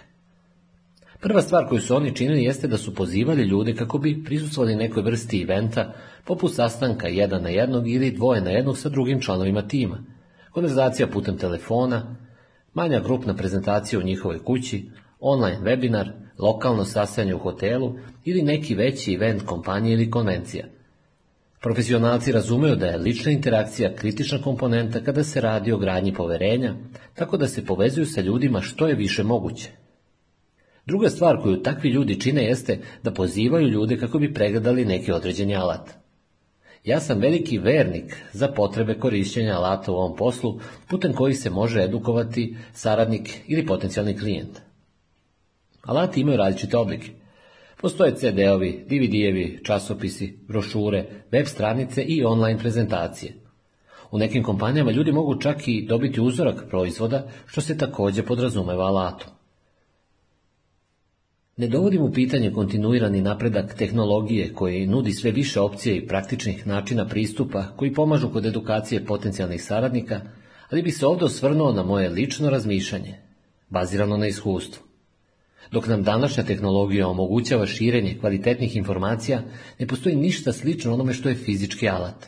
U informatičkom svetu bitova i bajtova, kao i u svetu mrežnog marketinga, vrlo je važno izgraditi poverenje, pri čemu nam pomažu fizički alati kao jedna od dve korišćene metode koji se koriste kao pomoć pri edukaciji saradnika, održavanje eventa jeste i najučinkovitije.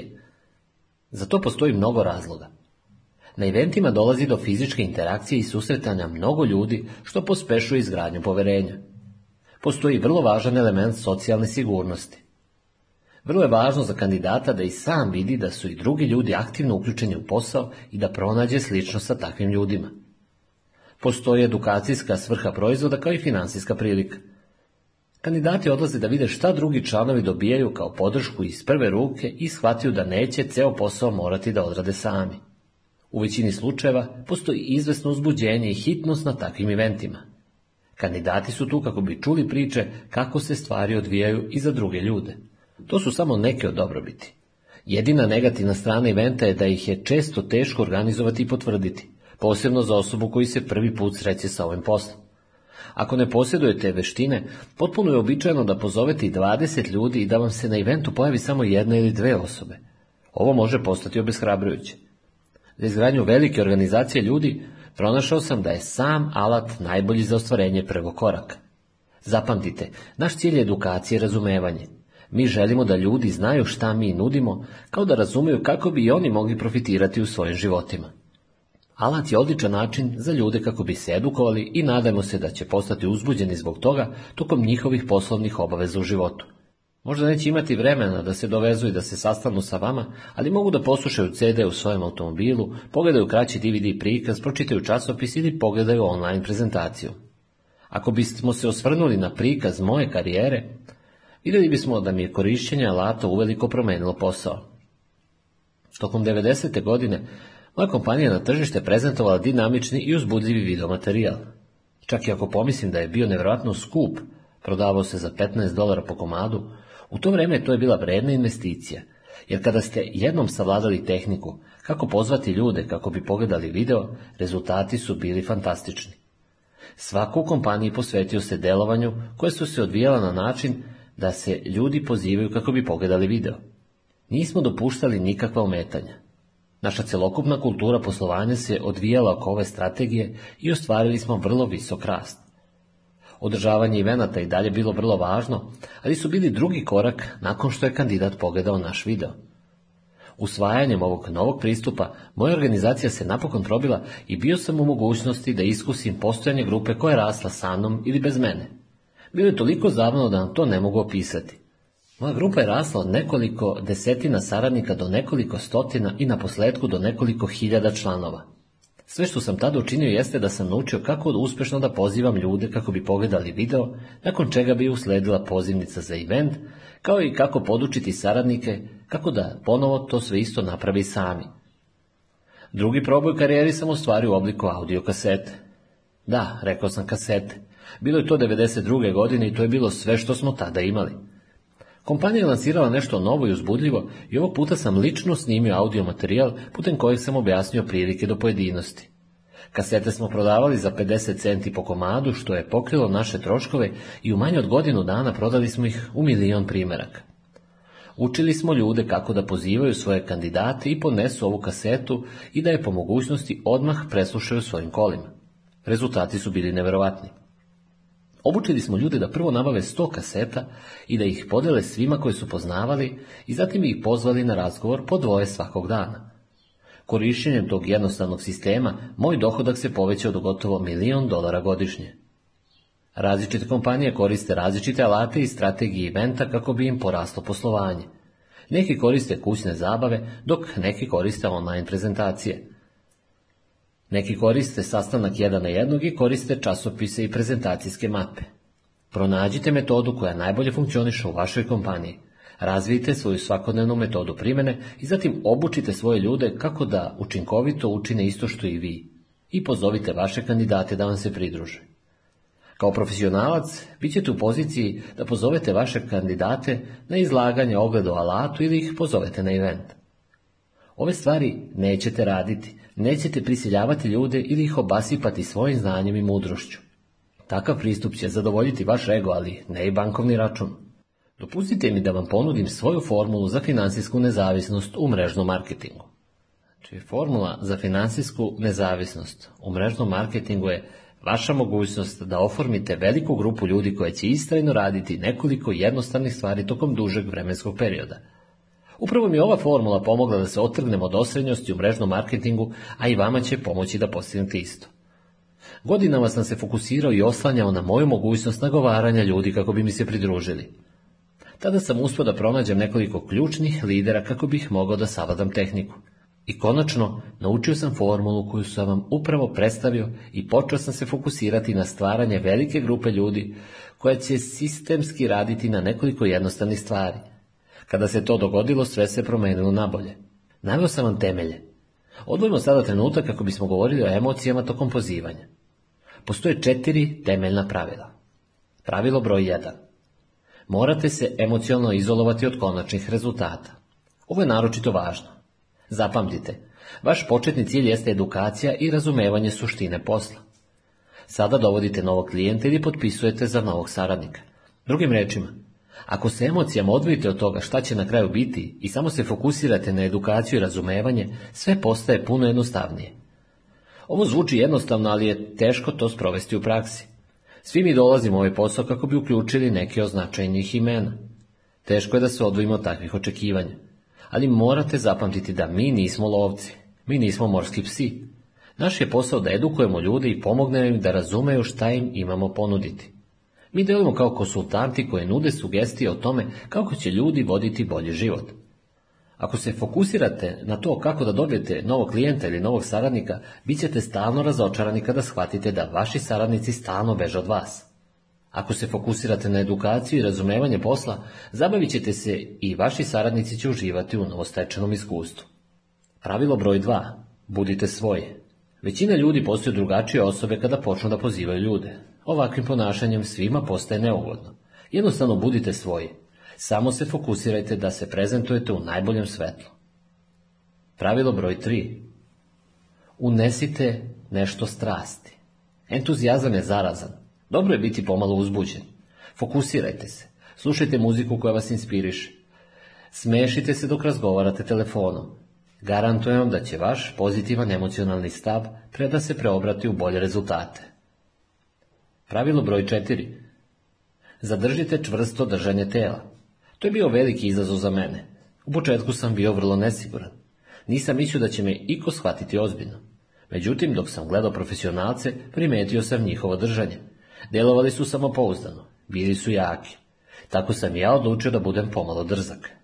Prestao sam da se izvinjavam svoje vreme. Umjesto da sam govorio, da, znam da sam do sada radio mnogo posla u svom životu, ali se nadam da će ovo biti promjena koju sam se nadao, rekao sam. Pogodite pa šta, dosadilo mi i umoran sam od ovakvog načina života koji sam vodio do sada i odlučio sam da preuzmem kontrolu. Na vašem mestu ne bih se gladio protiv sebe jer mislim zaista ozbiljno. Jel osjećate razliku? Budite svoji, ali i više samopouzdani bar za vreme kad pozivate ljude. U početku sam utvrdio da to mogu praktikovati tokom kraćeg vremenskog perioda i kao što trenirate mišić, navedeno sam mogao raditi sve duže, sve dok takvo ponašanje nije postalo deo mene. Sada kada smo pripremili pozornicu, prođimo kroz formulu pozivanja ljudi. Ova formula je uređena za način pozivanja putem telefona ili lično. Ovaj obrazac nije namenjen za korišćenje putem dopisivanja, slanja elektronske pošte ili kao alat za druge oblike komunikacije namijenjen isključivo telefonskom ili ličnom kontaktu. Ovo može funkcionisati putem vaše dobrog upućenog marketinškog saradnika, nekoga koga dobro poznajete, ili marketinškog saradnika koje ste tek upoznali. Navešću vam obojicu kao primjer. Postoji osam koraka za profesionalno određenu pozivnicu. Ovo će možda zvučati komplikovano, ali sa malo prakse shvatit ćete da je to veština koju je lako savladati. Prvi korak. Budite užurbani. Ova stavka je psihološko pitanje. Ljudi su uvijek privučeni osobom kojoj se stvari konstantno odvijaju. Ako svaki vaš poziv ili razgovor licem u lice započnete dajući impresiju da ste u žurbi, shvatit ćete da će vaša pozivanja ljudi biti kraća, stranka će manje postavljati pitanja, pružat će manje otpora i ljudi će vas više cijeniti zbog vas i vašeg vremena. Primjeri komunikacije kod poznatog mrežnog saradnika. Nema mnogo vremena za razgovor, ali je bilo zaista važno što sam vas dobio. Upravo ima mali milion stvari koje mi se dešavaju, ali mi je drago da sam vas dobio. Upravo izlazim, ali trebam sa vama stvarno brzo razgovarati. Primjer iza nepoznatog mrežnog saradnika. Mislim da sada nije vreme da o ovome razgovaramo i moram ići. Međutim, moram ići, ali... Da li ste shvatili poentu? Naglasite u tonu dozu hitnosti. Kao i kod primjera koje ja delim sa vama, nemojte previše brinuti o egzaktosti reči. Samo se fokusirajte na koncept i koristite svoje sobstvene reči. Dajte ljudima do znanja da imate posla i dobit ćete dosta toga kako vreme bude proticalo, ali je važno da sa njima govorite zaista brzo. I učinite to sa dozom predanosti u vašem glasu. Drugi korak. Pozdravite saradnik Ovo je kritičan trenutak. Iskreni kompliment, i mora biti iskren, vam otvara mogućnosti za nesputanu komunikaciju i činit će saradnika daleko podložnijim u vezi toga šta mu imate reći. Primjeri za poznate saradnike. Bili ste vrlo uspješni i oduvek sam respektovao način na koji radite svoj posao. Uvek ste mi bili podrška i ja to jako cenim. Imate neobičan osjećaj za posao i možete vidjeti one stvari koje drugi ljudi ne primećuju. Koliko vas dugo poznajem, vama ima mišljenje da ste najbolji u onome čime se bavite. Primjeri za nepoznate saradnike. Pružili ste mi jednu od najboljih usluga. Vi ste vrlo brzi. Smijem nas upitati kako zarađujete za život.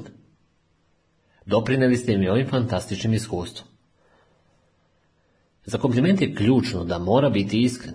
Pronađite nešto što iskreno možete upotrebiti kako biste udelili kompliment vašem saradniku. Ovaj jednostavan korak će vam doslovce udvostručiti vaše rezultate kod pozivanja ljudi. Kada počnete sa utiskom hitnosti i uručite kompliment, postaje vrlo teško za osobu kako da negativno odgovori na vaš poziv. Ljudi ne primaju komplimente toliko često. Time se osjećaju dobro. Uvidjet ćete da će vaši saradnici postati vrlo dostupni. Ako proučavate profesionalce, pronaći ćete da stalno dovode ljude u stanje dobrog raspoloženja putem njihovih iskrenih i dobrodošnih komplimenata. To vam pomaže da izgledite prisnost, pomaže vam da oslobodite um ljudi i u većini slučajeva pomaže da postignete vaš cilj u vezi s edukacijom i razumevanjem. Treći korak. Pozovite osobu. Ovo je situacija kada se morate prilagoditi svakoj pojedinačnoj osobi. Postoje tri načina pristupa pozivanja ljudi u profesionalnom mrežnom marketingu direktan pristup. Koristi se kada pozivate ljude kako bi naučili više o prilici za sebe. Većina ljudi koristi direktan pristup za sve svoje saradnike. To obično zvuči nešto poput Pronašao sam način kako ćemo se obogatiti. Daj da ti kažem sve o tome, bla, bla, bla. Ja razumem vašu strast, međutim, ko će se osjećati uzbuđenim, osim ako ne dobije poziv od milionera? Ovo ne znači da direktan pristup ne funkcioniše u praksi. On funkcioniše on ima važno mesto tokom vašeg postupka pozivanja. Međutim, potrebno ga je čuvati za ljude koje poznajete i poštujete ili za ljude za koje znate da su u potrazi za nečim boljim. Primjeri za poznate marketinške saradnike.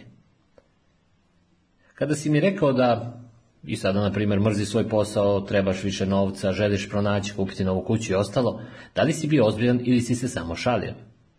Oni će vam uvijek reći da su to mislili ozbiljno. Super, mislim da sam pronašao način za tebe kako bi dobio ono što si tražio, rešio problem, učinio se nešto dogodi.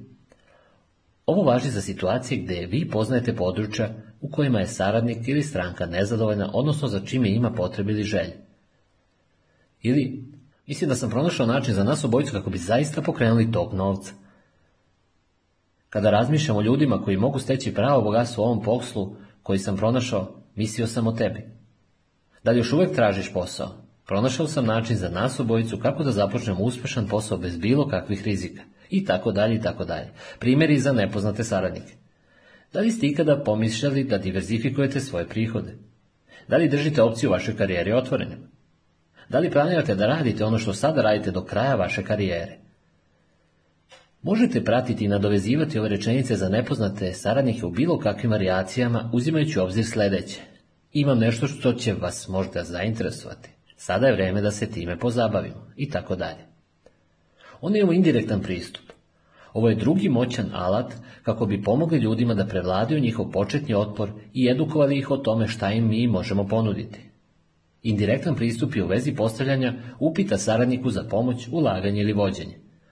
Ovaj pristup sam ekstenzivno koristio sa velikim uspehom kada sam prvi put počeo s ovim poslom. Zbog nedostatka kredibiliteta u dobi od 23 godine nisam mogao postići više uspeha direktnim pristupom, tako da sam naučio da poštujem saradnikov ego. Ova metoda funkcioniše nevjerojatno dobro i danas me ista ova metoda sasvim dobro služi. Primjeri za poznate saradnike. Upravo sam počeo novi posao i prilično sam nervozan. Pre nego krenem u posao potrebna mi je praksa s nekim od prijatelja. Da bi ti smetao kada bi vežbao sa tobom. Ovo je sjajan pristup za članove porodice i bliske prijatelje. Ili, pronašao sam posao zbog kog sam jako uzbuđen, ali šta ja znam o tome? Vi imate toliko iskustva. Da li biste pogledali kako radim i uputili me ako smatrate da pravim prave poteze? Prijatelj mi je rekao da je najbolja stvar koju bih mogao da uradim kada počinjem sa novim poslom je da kontaktiram ljude koje poštujem kako bi me pravilno uputili. Da li bi vi pristali da to uradite za mene? Primjer i za nepoznate saradnike. Kada upoznajete nekoga iz drugog grada, države i ako vaša kompanija posluje na tim lokacijama, možete reći Moja kompanija se širi na vaše područje. Da li biste mi učinili uslugu i pogledali šta radim i obznanili mi ako mislite da će to funkcionisati u području gdje živite? Kada sretnete nekoga ko bi vam mogao pružiti dovoljno podataka o vašem proizvodu, možete reći Započeo sam posao sa proizvodom za koji mislim da ima mnogo smisla, ali bih volio da čujem šta vi mislite o tome. Da li biste bili voljni da mi se poverite i da mi date svoje mišljenje o tome? I poseban indirektan pristup. Treći pristup je poseban indirektan pristup. Ovaj pristup je neobično moćan jer funkcioniše na brojnim psihološkim nivoima. Tokom ovog pristupa kazat ćete saradniku da oni to zapravo i nisu i da ste vi samo zainteresovani da li bi mogli da preporuče ili pronađu nekoga ko može da profitira od vašeg posla. To je vrlo efikasno. Primjer i za poznate saradnike. Za ovaj posao sam siguran da nije za vas, ali bih vas želeo zamoliti koga poznajete da je ambiciozan, motivisan novcem i ko će biti uzbuđen zbog većeg priliva sredstava u njegov život. Koga poznajete ko možda traže ozbiljan posao koji može da vodi iz svoje kuće? Koga poznajete da je sateran u zid u svom poslu i možda traži način kako bi diverzifikovao svoje prihode? Radim u kompaniji koja se širi u ovom području i tražim ozbiljne osobe koje mogu biti zainteresovane za dodatni prihod. Da li poznajete bilo koga ko bi možda odgovarao tom opisu? U većini slučajeva oni će vas upitati za više informacija, a vi na to možete odgovoriti. To ima smisla. Želi biste više o tome znati pre nego što se obratite vašim kontaktima. Primjeri za nepoznate osobe. Opis za poznate saradnike u celini se poklapa u opisu i za nepoznate saradnike za poseban intelektan pristup. Samo koristite primjere za poznate saradnike ili bilo koju kombinaciju koja će vas zadovoljiti. Četvrti korak. Ako ću ja doći, da li biste mi se pridružili? Ovo pitanje je dugo vremena bilo moje tajno oružje. To je do sada najmoćnija fraza s kojom sam se susretao tokom izgradnje velike i uspešne karijere u mrežnom marketingu. Ako ti dam ovaj DVD, da li ćeš ga pogledati? Ako ti dam ovaj CD, da li ćeš ga poslušati? Ako ti dam ovaj časopis ili bilo koji drugi štampani materijal, da li ćeš ga pročitati? Ako ti ponudim ovaj link sa prezentacijom, da li ćeš ga proveriti i pročitati? Ako te pozovem specijalnom pozivnicom na naš webinar, da li ćeš učestvovati? Ako te pozovem specijalnom pozivnicom na konferenciju, da li ćeš doći i slušati? Ovo pitanje je toliko moćno iz brojnih razloga. Prvo, ono je recipročno. Vi ćete reći da ćete nešto učiniti ako i oni to urade. Kao ljudska bića mi smo povezani kako bismo pozitivno odgovarali na ove tipove situacija. Drugo, postavljate se u poziciji osobe koja ima moć. Vi preuzimate kontrolu. Vi ne molite. Vi ne tražite usluge. Ono što vi nudite je jednostavna razmjena vrednosti. I treće, ovo podrazumeva da vi imate nešto vredno da ponudite. Vi govorite da ćete nešto učiniti, ali ne dok to isto ne uradi druga osoba. Kada cenite ono što imate, ljudi će vas poštovati. Kada sam započinjao s ovim poslom, ja još nisam znao za ovo magično pitanje. Rekao bih stvari poput, ja bih zaista, zaista i zaista volio kada bi došli da pogledate moj video, probate moj proizvod, poslušate ovaj CD i tako dalje. Možete zamisliti kakvi su bili rezultati. Cijela psihologija ovakvog nastupa je slaba. Ako koristite pristup, ako ću i ja, da li biste i vi, tada imate poslovni razgovor. Ako koristite frazu ja zaista, zaista vas trebam, zvučat ćete očajno, a očajni saradnik nije privlačan. Ako koristite ovakav pristup, tada sigurno znate o čemu govorim. Frazom ako ću ja, da li biste i vi, dobijate rezultate. Navodi ljude da vam kažu da. Pomaže vašim saradnicima da vide šta možemo da ponudimo u drugačijem svetu. Zapamtite, naš je cilj edukacije i razumevanje. Ako ću i ja, da li biste i vi, vam pomaže da postignete taj cilj. Ako započnete poziv sa dozom hitnosti, pozdravite saradnika, pozovete ga i primenite frazu ako ću ja, da li biste i vi, njihov odgovor će u gotovo 100% slučaja biti da i vi možete proslediti razgovor do petog koraka. Ako od vas saradnici prvo traže više informacija, samo odgovorite na način razumem da tražite više informacija, ali sve što tražite je na DVD-u, CD-u, dokumentu, linku i tako dalje. Za vas najbrži način kako bi zaista razumjeli o čemu govorim jeste da pregledate takav materijal. Zato ako vam to dam, da li ćete ga pregledati. Ako vas klijenti odbiju, zahvalite se, krenite dalje. Također osvrnite se na korake od 1 do 3 kako biste vidjeli šta biste mogli uraditi bolje, ali nemojte im davati vaš materijal. Dakle, prošli se kroz prva četiri koraka i osoba je pristala. Uspeh. Oni su se složili da će pregledati vaše materijale. Da li to znači da će vas oni i dalje pratiti? Ne. U suštini, samo 5% njih će doći do ovog koraka. Zato je potrebno ići dalje. Peti korak. Prvo potvrđivanje termina. Obavežite se vremenski. Ako ste upitali saradnika, ako ću ja, da li biste i vi, i oni odgovore potvrdno, sljedeći korak je dobiti vremensko obavezivanje klijenata. Kada mislite da biste mogli pogledati ovaj DVD, poslušati ovaj CD, pročitati ovaj časopis, pogledati ovaj link i tako dalje. Nemojte klijentu predlagati tačno vrijeme. To je još jedna od mojih grešaka koja datira od mojih ranih početaka u karijeri. Samo postavite pitanje i čekajte da vam odgovore. Ovo pitanje motiviše klijenta da razmisli da pronađu vreme i mesto kako bi pregledali ono što im imate ponuditi, što će vam i saopštiti. Drugim rečima, vaš se plan ostvaruje. Kada ste klijenta prvi put pitali ako ću ja, da li biste i vi, i oni su vam odgovorili potvrdno, to je bilo pre izvesnog vremena. Kada dobijete potvrdu da će vam posvetiti svoje vreme, tek tada vam se plan počinje ostvarivati. Jedina stvar koja je sada bitna je da vam daju svoje vreme. Dopustite im da razmise o svojim planovima i da vam kažu kada će pregledati materijale. Tokom 90% vremena će vam dati odgovor. Ostalih 10% vremena ću oklevati i govoriti nešto poput pokušat ću naći vremena. Ako to učine, kažite im. Ne želim jednostavno gubiti vaše ili svoje vreme. Zašto ne odredimo jedan vremenski termin za kada ćete vi biti sigurni da ćete to uraditi? Zapamtite, oni su već kazali da će pregledati materijal u koraku broj četiri. Ovo je samo potvrda posvećenosti njihovog vremena. Ključno za ovaj navedeni postupak je da vam klijent dva puta potvrdi učestvovanje.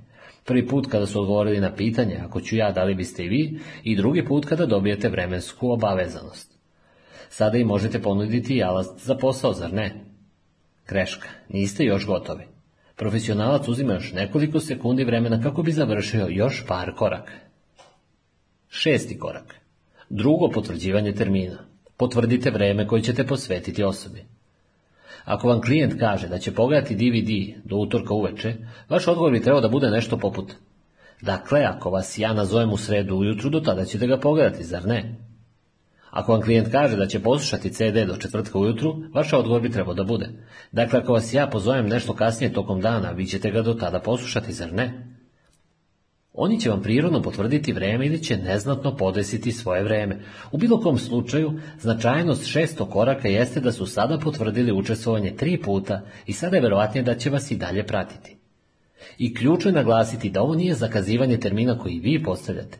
To je termin koji oni dogovaraju sa vama. Klijent će vam reći da će pregledati materijale, da će to uraditi do određenog vremena i ako ga nazovete nakon toga, on će već pregledati materijale. Vi ste postavili pitanje. Klijenti vam odgovaraju kada zakazuju termin, odnosno posvećuju svoje vreme. Sedmi korak. Treće potvrđivanje termina. Dogovorite sljedeći poziv.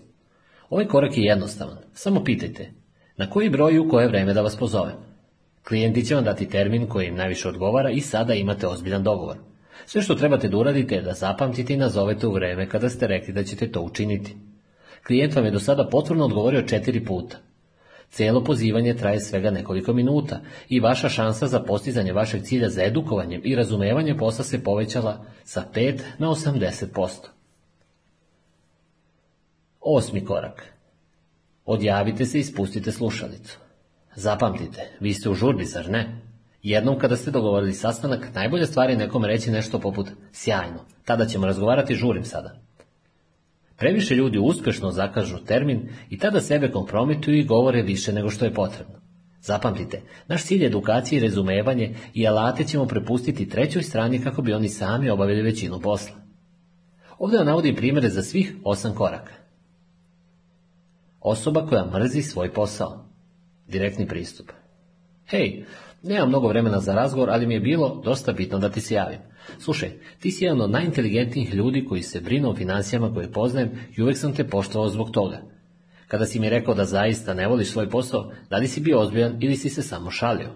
Odgovara da je mi si ozbiljno. Super, mislim da sam pronašao način za tebe kako bi stvorio izlaznu strategiju. Pozidujem CD koji će ti sve opisati bolje nego što ti ja mogu ispričati. Ako ti dam ovaj CD, da li ćeš ga poslušati? Kaže da hoće. Kada bi mislio da bi ga mogao poslušati? Kaže utorak. Dakle, ako te nazovem u sredu ujutru, do tada ćeš ga poslušati, zar ne? Potvrdno odgovara. Ok, nazvao bih te ponovo. Na koji broj bi te bilo najzgodnije dobiti i kada? Ponudio vam informacije. Sve sam shvatio, žurim i hvala ti. Dobar prijatelj, indirektan pristup.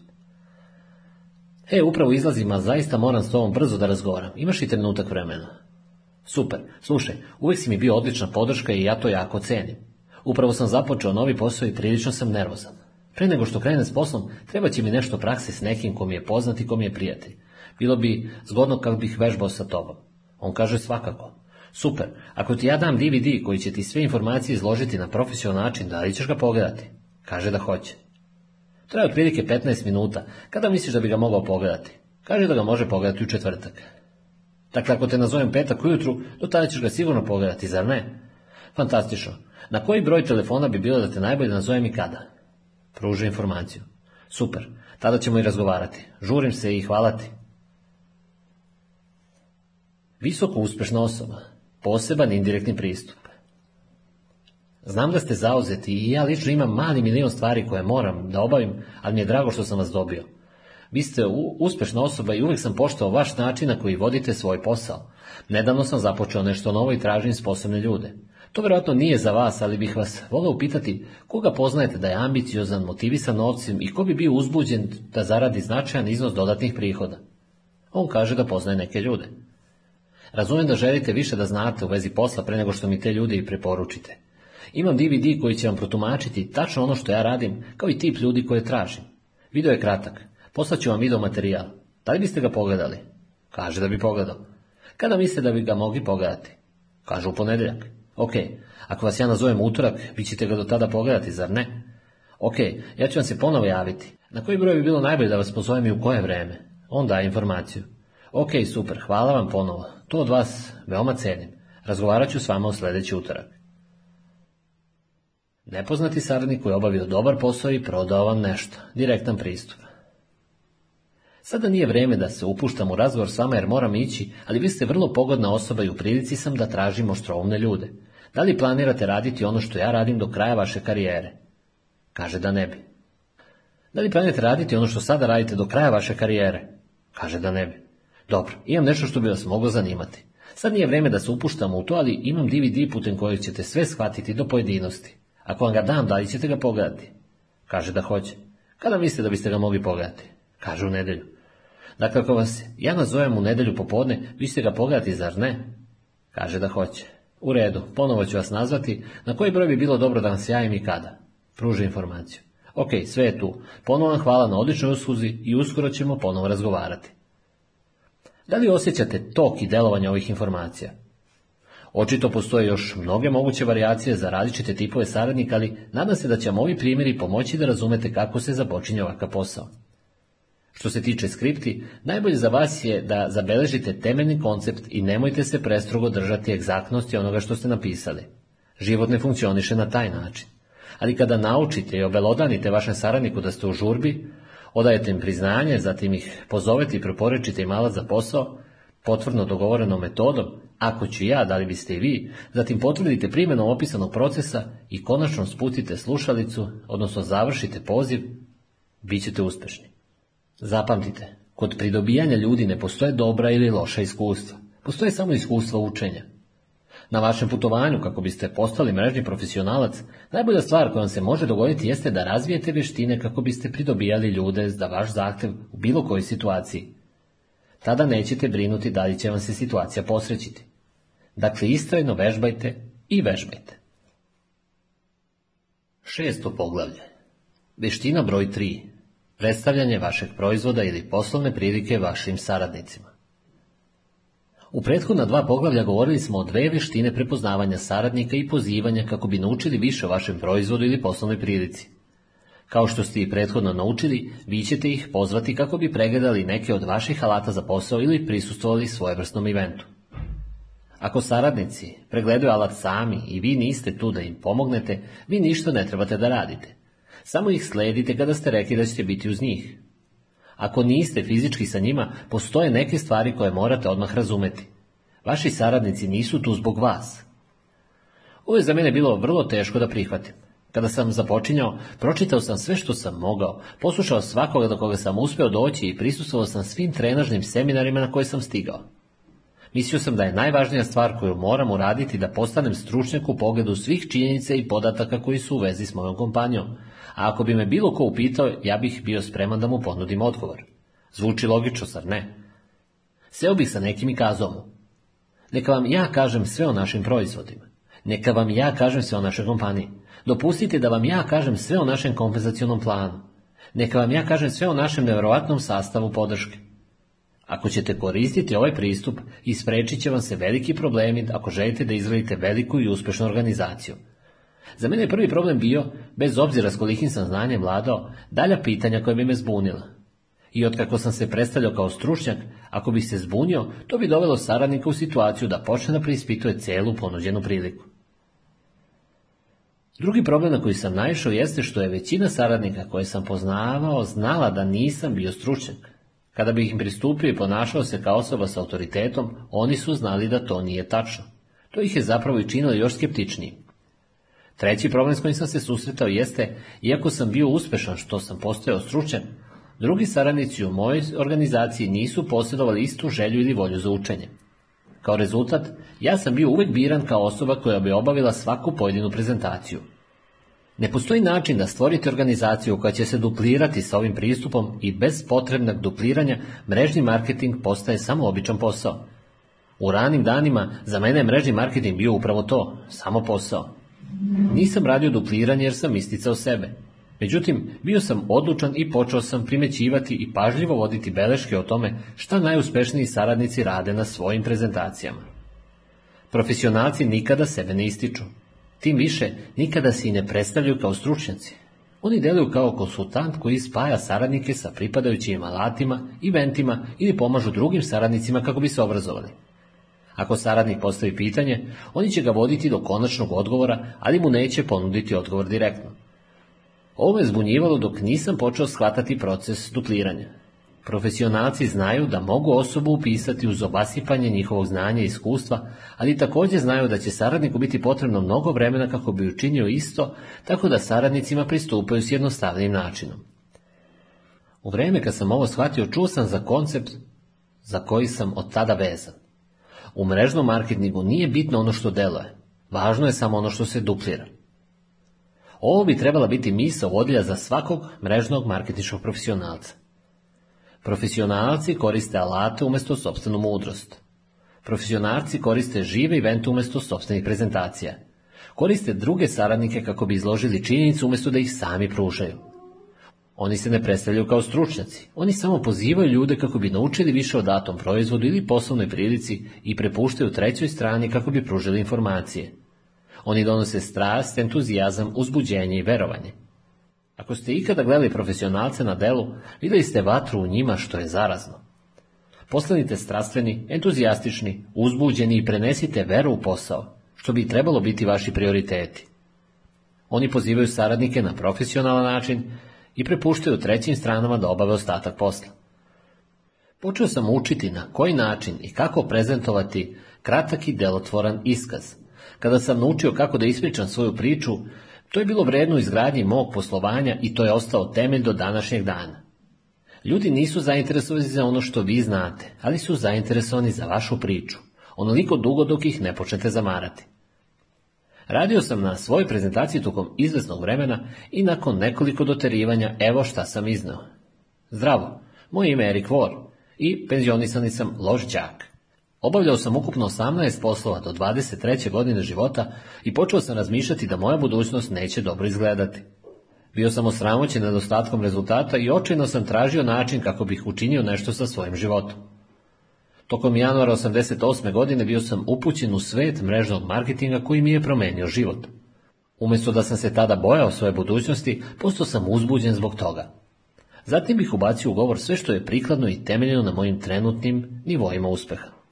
Poenta moje priče je da ako sam ja to mogao uraditi, onda to može da uradi bilo ko. I funkcionisalo je. Ovu metodu sam koristio sve vreme na sastancima u hotelima, tokom kućnih prijema, tokom telefonskih kontakata, na konferencijskim izlaganjima i tako dalje. Bez obzira na vašu pozadinu, možete oblikovati zanimljivu ličnu priču. Pronašao sam da svaka dobra priča sadrži četiri elementa. Vaše pređašnje iskustvo, stvari koje niste volili iz vašeg pređašnjeg iskustva, kako je mrežni marketing spasio vašu kompaniju, koji su vaši rezultati ili kako se osjećate u vezi vaše budućnosti. Odvojite vrijeme kako bi sastavili svoju priču i prezentujete kad god imate šansu. Sljedeće, odlučio sam da usavršim prezentaciju prilika moje kompanije. Ponovo koristio sam koncept modeliranja u skladu sa postupcima uspješnih ljudi. Glavna osoba u mojoj kompaniji, koja je najviše zarađivala, je bila izuzetno moćna. Osim navedenog svaki put je predstavljao uvek istu prezentaciju, od reči do reči. Snimio sam njegovu prezentaciju i prepisao je rukom. Kada sam dovršio ovaj korak, snimio sam svoju prezentaciju na osnovu njegove reč po reč. Ista priča, iste šale. Sve što sam snimio bila je tačno njegova prezentacija. Nakon što sam završio, preslušao sam kasetu i bilo je očajno.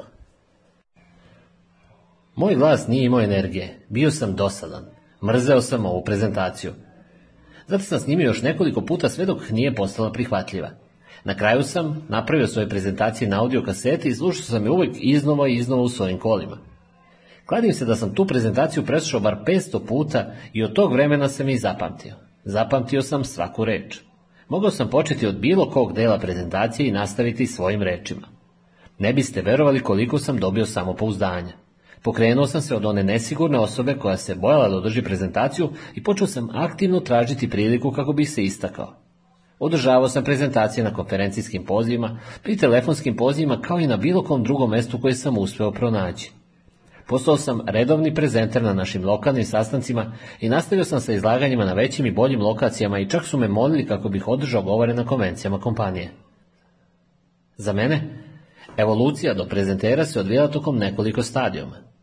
Trebao sam naučiti svoju priču, prezentaciju, naučiti uobičajene prilike prilikom izlaganja prezentacije i naučiti različite tehnike prezentacije za potrebe obrazovanje. Jedan veliki odlučujući trenutak kao prezentera se desio tokom 1993. godine. Imao sam 29 godina i počeo sam graditi samostalnu karijeru u mrežnom marketingu. Imao sam razgovor sa direktorom kompanije i broj jedan saradnika u to vrijeme. Ne sjećam se kako se razgovor odvijao, ali se sjećam da sam direktor odgovorio. Dakle, on, taj glavni stručnjak može biti bolji mrežni stručnjak trenutno od mene, ali ja ga mogu nadmašiti bilo kada. To sam mu naumio reći u šali, međutim direktor je samo podigao obrve i kazao Ok, sinko, reću ti šta ćemo raditi. Sledi nam velika konvencija. Učestvovat će preko 14.000 ljudi. Ponudit ću ti isto vreme za govor i imat ćemo privatno takmičenje. Lično ću izabrati nekoliko sudija i oni će glasati ko je bolje govorio. Oho, sad sam bio izazvan.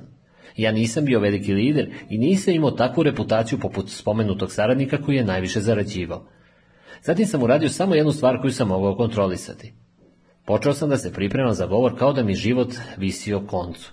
Izabrao sam temu i napisao svoj govor koji bih uvijek iznova revidirao.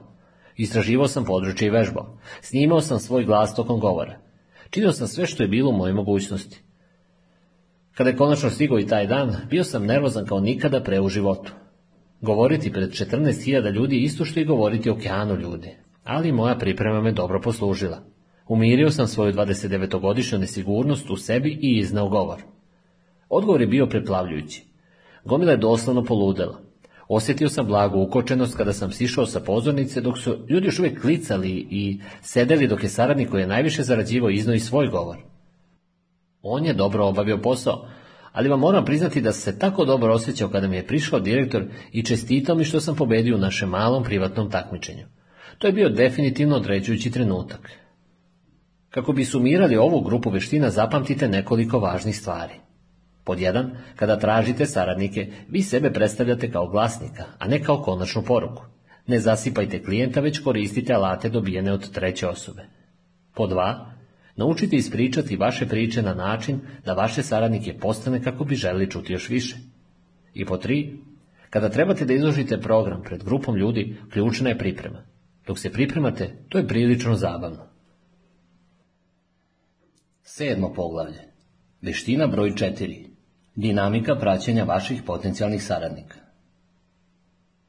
U mrežnom marketingu kažemo da možemo pronaći sreću tokom praćenja saradnika. Mislim da je to tačno jer većina ljudi ne sledi dinamiku poslovanja, bar ne kao mhm. profesionalci. Kako bi ovladali ovom veštinom, trebate razumeti određene koncepte. Koncept broj 1. Praćenje aktivnosti znači obavljati onaj posao koji ste rekli da ćete raditi. Ako ste rekli da ćete nazvati klijenta u određeno vreme, tada to i učinite. Profesija mrežnog marketinga je puna ljudi koji se u jednom trenutku zainteresuju za posao, dok su već sljedeći trenutak nezainteresovani za bilo kakvo delovanje. Vodite svoj posao koristeći fizički ili elektronski kalendar. Budite osoba koja radi ono što kaže da će da uradi. Ljudi će to znati cijeniti. Prodao sam nekretninu iste godine kada sam se uključio u mrežni marketing. Moj otac i njegov partner su bili vlasnici kompanije. Jednoga dana bio sam u kancelariji i gospodin čak Ejkok je stigao tačno u deset sati kako bi se sastao sa mojim ocem. Bilo je 9.55 i moj otac još nije pojavio u kancelariji. Srdačno sam dočekao Čaka i rekao mu da će se moj otac brzo pojaviti. Tačno u deset sati Čak je ustao i rekao, sada je deset sati, tvoj otac još nije stigao. Prenesi mu da me nazove ako želi da promeni termin sastanka. Nisam mogao verovati. On je putovao čitavim putem do naše kancelarije samo da bi otišao 30 sekundi nakon zakazanog sastanka. Kazao sam mu, gospodine Eiko, siguran sam da će se pojaviti kroz nekoliko minuta. Nema potrebe da idete. I zatim je rekao nešto što nikada neću zaboraviti. Kazao mi je, sinko, ili poranite, ili zakasnite. On kasni i moje vreme je dragoceno. Prenesi mu da me nazove kako bismo dogovorili sljedeći sastanak. I zatim je otišao. Moj otac se pojavio u deset i deset i očekivao da će se sresti sa čakom. Kazao sam mu šta se dogodilo i on je bio zaprepašćen, baš poput mene. Moj otac nije imao naviku da kasni na bilo kakav događaj. To jutro je bio malo više opušten sa svojim vremenom. On je ponovo zakazao sastanak i tokom godina sam primetio da bi moj otac uvek poranio na svoj sastanak sa gospodinom Ejkogom. Koju lekciju možemo da naučimo iz ove priče? Za mene, lekcija je bila da ljudi poštuju osobu koja čini ono što i kaže da će učiniti. Ljudi također poštuju osobu koja ceni svoje vreme. Ako kažete da ćete se pojaviti u određeno vreme ili na neki drugi način poštovati dogovor, ili to uradite, ili odgodite svoj sastanak na vreme. Koncept broj 2. Jedini razlog izlaganja pred saradnicima jeste dogovoriti novo izlaganje. Kada sam započinjao sa ovim poslom, zaključio bih svako izlaganje uzrečicom. Šta mislite o ovome? Niko mi nije rekao da je to jedna od najgorih stvari koje možete da uradite. Ja sam osjećao da je to prirodno reći, međutim moji rezultati su bili očajni. Zapitao sam jednog od svojih prvih mentora za pomoć i on mi je kazao, Erik, jedina svrha izlaganja jeste da dogovoriš novo izlaganje. To mi nije palo na pamet. Mislio sam da je razlog za dogovaranje sastanka potpisivanje sa novom osobom ili saradnikom. On je krenuo da mi objašnjava da ako završiš svako izlaganje dogovorom novog termina, saradnik će postati edukovan o datoj poslovne prilici i doneće odluku za koju je prethodno bio informisan. Moj cilj se promijenio od postupka dobijanja saradnika tokom prvog izlaganja do održavanja procesa edukacije dogovaranjem sljedećeg termina i zatim svakog narednog termina sve dok saradnik ne donese odluku. Kada sam uveo ovo malo poboljšanje, moji rezultati su se znatno popravili. Ranije smo govorili o tome na koji način profesionalci pozivaju svoje saradnike kako bi mogli podgledati šta im možete ponuditi. Na kraju tog procesa prošli smo kroz nekoliko etapa kako bi dogovorili sljedeći sastanak, što znači da se obavezujete da ponovo nazovete osobu. To je vaš sljedeći sastanak ili termin. Kada obavite taj poziv, upitaćete saradnika da li je pregledao materijal koji ste mu ponudili. On će reći da ga nije pregledao ili da ga je pregledao porazgovaramo na koji način ćete dogovoriti sljedeći termin za oba navedena slučaja. Ako vam saradnik kaže da nije stigao da pregleda materijal jer nije imao vremena, važno je da ne pokažete nezadovoljstvo zbog njegovog postupka. To možda zvuči smešno, međutim, mnogo ljudi jednostavno vasipaju svoje saradnike otprilike, pa ja sam mislio da ćete to stići da pogledate. Očito, ovo vam neće pomoći da izradite dobar međusobni odnos na kojem radite. Najbolji način da odgovorite na ovu situaciju jeste to je ok. Razumem da život svakom od nas ponekad postane prezaposlen. Kada mislite da biste to mogli sigurno, ali mislim sigurno učiniti? Sada možete reći da je ponavljanje sigurno, sigurno dva puta možda i previše. Međutim, ja sam ovo ponavljanje koristio decenijama tokom ovakvog rasveta situacije i koristio sam ovaj princip zato jer funkcioniše. U bilo kom slučaju, Koristite jezik koji hoćete kako bi dogovorili sljedeći termin i prođite iste korake kako bi dobili obavezivanje saradnika. Jednom kada ga dobijete, uključujući i vrijeme i datum sljedećeg poziva, spustite slušalicu i nazovite saradnika kada ste rekli da ćete ga nazvati. Ako ga nazovete u dogovoreno vrijeme i još uvijek nije pregledao materijal, samo ponavljajte proces sve dok ne obavi ono što je obećao. Zapamtite da oni postavljaju termin i vi ćete se postaviti spram saradnika kao profesionalac i obaviti sve što ste rekli da ćete obaviti. Drugi primjer je da ako nazovete vašeg saradnika koji je odgovorio potvrdo, odnosno pregledao je materijal, upitaćete ga nekoliko inteligentnih pitanja. Prvo što nećete pitati jeste šta mislite o tome. Ovim samo izazivate kritično područje saradnikovog razmišljanja kako bi se pokazao pametan. Zatim sledi najbolje pitanje koje sam od uve koristio. Šta vam se najviše svidelo? Ovo pitanje će vas odvesti u pozitivnom pravcu i dati vam naznaku količine njegovog interesa za taj proizvod. Ako vam kaže proizvod, tada će vaše sljedeće pitanje biti vjerojatno povezano uz proizvod. Ako vam kaže financijska sloboda, tada će vaš sljedeći upit biti vezan uz takvu priliku. Drugo važno pitanje jeste upitati saradnika. Na lestvici od 1 do 10 pri čemu je jedan ekvivalentno nepostojanje interesa dok bi deset predstavljalo vašu želju kako biste odmah počeli sa radom na kojoj se poziciji sada nalazite. Ako vam odgovori sa bilo kojim brojem iznad jedan, dobili ste dobar rezultat. To vam ukazuje da kod njega postoji određeni interes. Većinu vremena ćete dobijati odgovore pozicije na lestvici 5 ili 6. Bez obzira koji broj da vam je ponuđen, sve što treba da uradite jeste da im pomognete da dostignu veći broj. Ako je odgovor vrlo pozitivan i broj prilično visok, možete direktno proslediti u proces zatvaranja, koji ćemo objasniti u sljedećoj sekciji. Ako primetite da to nije očito zeleno svetlo, jednostavno ćete dogovoriti sljedeći termin. Klijenti možda žele da probaju proizvod i pomozite im u toj nameri i odredite sljedeći termin. Vreme kada ćete ih ponovo pozvati i pitati kako su imali iskustvo s proizvodom. Možda žele da razumeju kompenzacijski plan, tako da dogovorite vreme i sastanete se kako bi ga pregledali.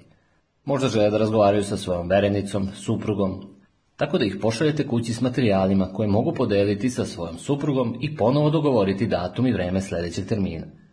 O čemu god da se radi, nikada ne završavajte jedan termin pre nego što zakažete sljedeći. Nikada. Ako to propustite da učinite, izgubit ćete saradnika. To se meni dešavalo na početku poslovanja. Dobio bih osobu koja je tražila priliku. Kada bi pregledali materijal, upitao bih ih šta mislite o tome. Obično bi promrali nešto poput javit ću ti se ili treba mi više vremena kako bih razmislio o tome ili nešto slično i puf, otišli bi. Zatim kada bih ih pokušao ponovo nazvati, jednostavno bi im dosađivao. Zbog cijele situacije sam se osjećao neugodno. Jednom kada sam promenio pristup i počeo zakazivati sljedeće termine, sve se promenilo nabolje. Postao sam profesionalac i stekao sam kontrolu. Saradnici su me više cijenili kao i prilike koje sam im nudio. Sve ovo se dogodilo sa malom promjenom u mentalnom sklopu. Koncept broj 3. Kako bi vam se prosječna osoba pridružila, potrebno je da odradite oko 4 do 6 termina. Kada ljudi ne razumeju da je jedina svrha termina dogovoriti i odraditi sljedeći termin, prenose prevelik pritisak na saradnika i na sebe. Primjenom principa neki hoće, neki neće, pa šta, sljedeći, u kulturi poslovanja, mrežnog marketinga, ljudi kada jednom izvrše utjecaj na osobu i ako se ne pridruže istog trenutka, tada prelaze na drugu osobu i nikada ne uspiju da pohvataju konce. U većini slučajeva oni odlazi korak dalje narušavajući međusobni odnos sa svojim saradnikom i njihovim stavom. Profesionalci razumeju da je potrebno provesti oko 4 do 6 termina kako bi se uključili. Njihov cilj je edukacija i razumevanje. Teško je edukovati nekoga tokom samo jednog termina – zato vodite saradnike od jednog do drugog termina, znajući da će se konačno uklopiti. Tokom tog procesa oni također grade čvršći međusobni odnos sa saradnikom i jačuju prijateljske odnose. Navedeno pomaže i da izgradite poverenje i ljudi uživaju raditi sa ljudima koje vole imati u društvu. Četiri do šest termina je prosek, što znači da će na svaku osobu koja se pridruži na prvom terminu postojati osoba koja će biti potrebna deset termina kako bi se pridružila. To nikada ne možete znati. Nekima od najboljih ljudi u mrežnom marketingu se pristupalo godinama pre nego što su konačno odlučili da se uključi i da sudeluju u poslovnoj prilici. Zadržite vašu hitnost, ali budite strpljivi. Koncept broj 4. Sažmite održavanje termina za postizanje boljih rezultata. Pozeri učlane jednog saradnika i kreću dalje. Amateri učlane po jednog saradnika tokom nekoliko termina – Profesionalci sažimaju svoje termine na najkraće moguće vreme. Ljudi su zaposleni, životne prilike im stalno odlače pažnju. Kada im pristupite na način da se okušaju u nečemu novom, važno je zadržati njihove interese. Najbolji način je provoditi terminu u što kraćem vremenskom periodu. Ako posao obavljate sporo, možete započeti na način da im prvo prikažete video. Zatim, nekoliko nelja kasnije pozovite ih na konferencijski sastanak. Nakon mjesec dana pozovite ih na webinar. Zatim, nakon još mjesec dana pozovite ih na trostrani telefonski razgovor sa vama i još jednim saradnikom. Ovaj spori proces je težak, jer nakon svakog termina ljudima popušta pažnja i pamćenje zbog životnih okolnosti. Gotovo da možete iskusiti kao da svaki put počinjete iznova. S druge strane, ako ste ih doveli kako bi pogledali video, pozvali ih na konferenciju, zatim im ponudili da probaju vaš proizvod, onda ih pozvali na webinar kao i na učestvovanje u trostranom telefonskom razgovoru i na posledku na sastanak uživo, i obavite sve navedeno tokom jedne nedelje, vi saradnicima pružate priliku kako bi im ovaj posao promenio život. Pitanje i primjedbe Pri svakom koraku postupka privlačenja saradnika naići ćete na pitanje i različite primjedbe. To je prirodno. Mnogo vremena će trebati vašem saradniku da ovu teoriju dovede do nivoa svog zdravog razuma. Ne žele se osjećati da su tek tako olako pristali da se nabacuju u prigovorima kako bi im porasla veština i da se osjećaju dobro. Način na koji odgovarate na ovakva pitanja od velikog značaja. Ako se branite, posijaćete ćete seme sumnje u vezi celog posla. Ako delujete ofanzivno, oterat ćete saradnike. Zapamtite, naš je cilj edukacije i razumevanje sistema. To nije situacija pri kojoj pobeđujete argumentom. Naš posao je da pomognemo i slepcu da progleda. Kada neko iznese pitanje sa negativnom konotacijom ili kao vam ponudi primjedbu, sve što oni tada rade jeste da vama pomažu da prepoznate jedno od njihovih slabih tačaka. Ovo je korisno prepoznati kako bi pomogli vašem saradniku kako da takve nedostatke eliminiše. Pružit ću vam specifičnu taktiku kako bih vam pomogao da prevladate primjedbe, međutim stvar za koju bih vas zamolio je da se usresredite na koncept. Taktike dolaze i prolaze dok je koncept bezvremenski. Ono što sam pronašao jeste da primjedbe spadaju jednu ili dve kategorije. U prvu kategoriju spada ograničeno mišljenje potencijalnog saradnika o njegovim sposobnostima. On nije siguran da li može da postane uspešan. Druga kategorija je ograničeno verovanje saradnika u mrežni marketing. Oni nisu sigurni da li će im mrežni marketing pomoći da ostvare svoje ciljeve u životu. Za obe iznesene kategorije najbolje je primeniti jedan koncept, empatiju, odnosno način na koji se odnosite prema ljudima. Najbolja metoda koju koristim u odnosu sa ljudima jeste da im obznanim da sam ja upravo kao i oni. I ja imam iste sumnje, ista pitanja, iste strahove. I ja sam ih nadišao. Verovali ne, vaša priča kao i priče drugih će više učiniti za vas u prevladavanju prepreka nego bilo šta drugo. Postoji stara taktika nazvana osjeti, opipaj, pronađi. Feel, felt, found, čiji princip funkcioniše na temelju koncepta epatije. Kada saradnik reaguje prigovorom, vi ćete mu odgovoriti sa znam kako se osjećate.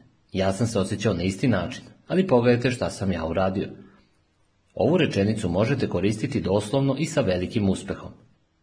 Možete također i modifikovati bazirano na vašoj priči i ličnosti saradnika. Šta preduzeti ako saradnici imaju ograničena verovanja u svoje sposobnosti? Uobičajene pritužbe u ovoj kategoriji su nemam novca, nemam vremena, to nije za mene, ja nisam trgovac, ja ne poznajem nikoga iz te struke ili premlad sam, prestar sam, nemam iskustva. Neki ljudi pristupaju nadmeno i ponašaju se superiornije sve kako bi saranici ispali glupi. Nemate novca? Da li imate račun za kablovsku televiziju? Da li imate mobilni? Izlazite li na ručak? Vi imate dosta novca, hajde probudite se. Ili, nemate vremena.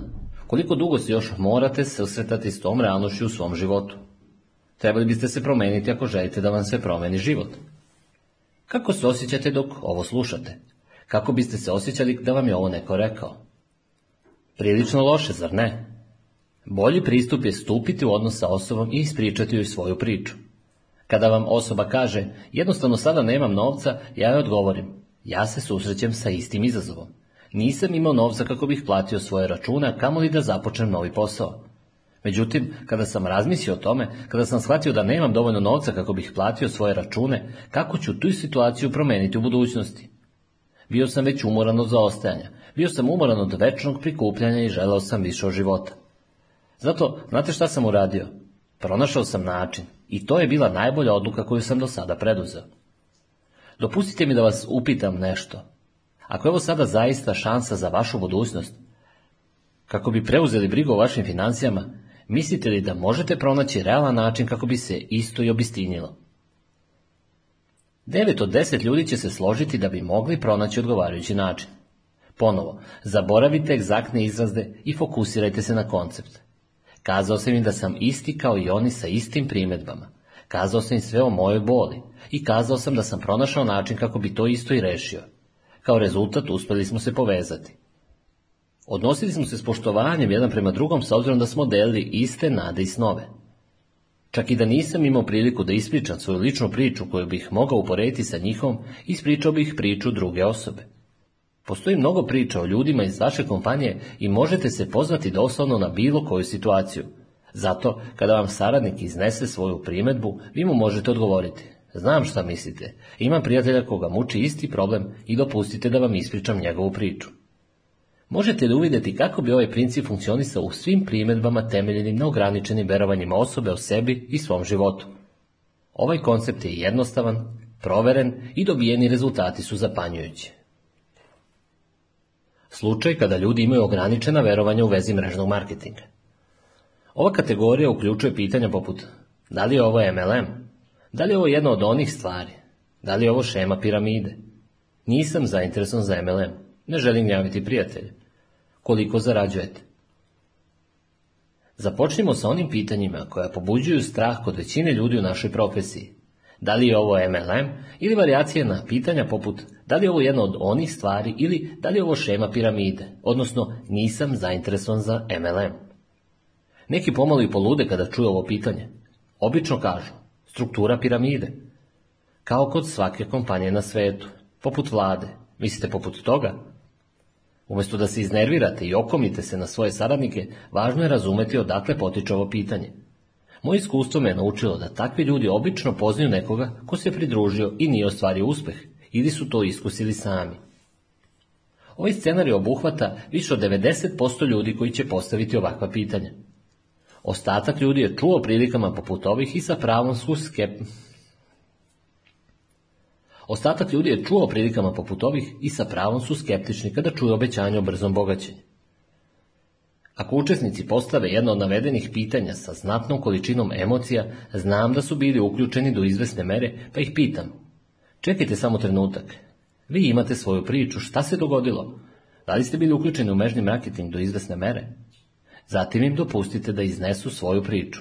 To ljude otvara prema vama i smanjuje njihov otprobeni mehanizam, a vama pruža mogućnost da postavite nekoliko pitanja u vezi njihovog iskustva. Dopustite da vam predstavim tipični primjer. Dok se krećem tokom mog postupka pozivanja, javi se saradnik i kaže Čekajte trenutak, da li je ovo MLM? I to kažu s dozom emocije u glasu. Ja im odgovorim, o, pa vi imate priču. Da li ste se okušali u slično? sličnom? Šta se dogodilo? On vam odgovori. Da, pridružio sam se kompaniji pre nekoliko godina. Kupio sam nekoliko novih proizvoda i izgubio svoj novac. Ja bi mu odgovorio.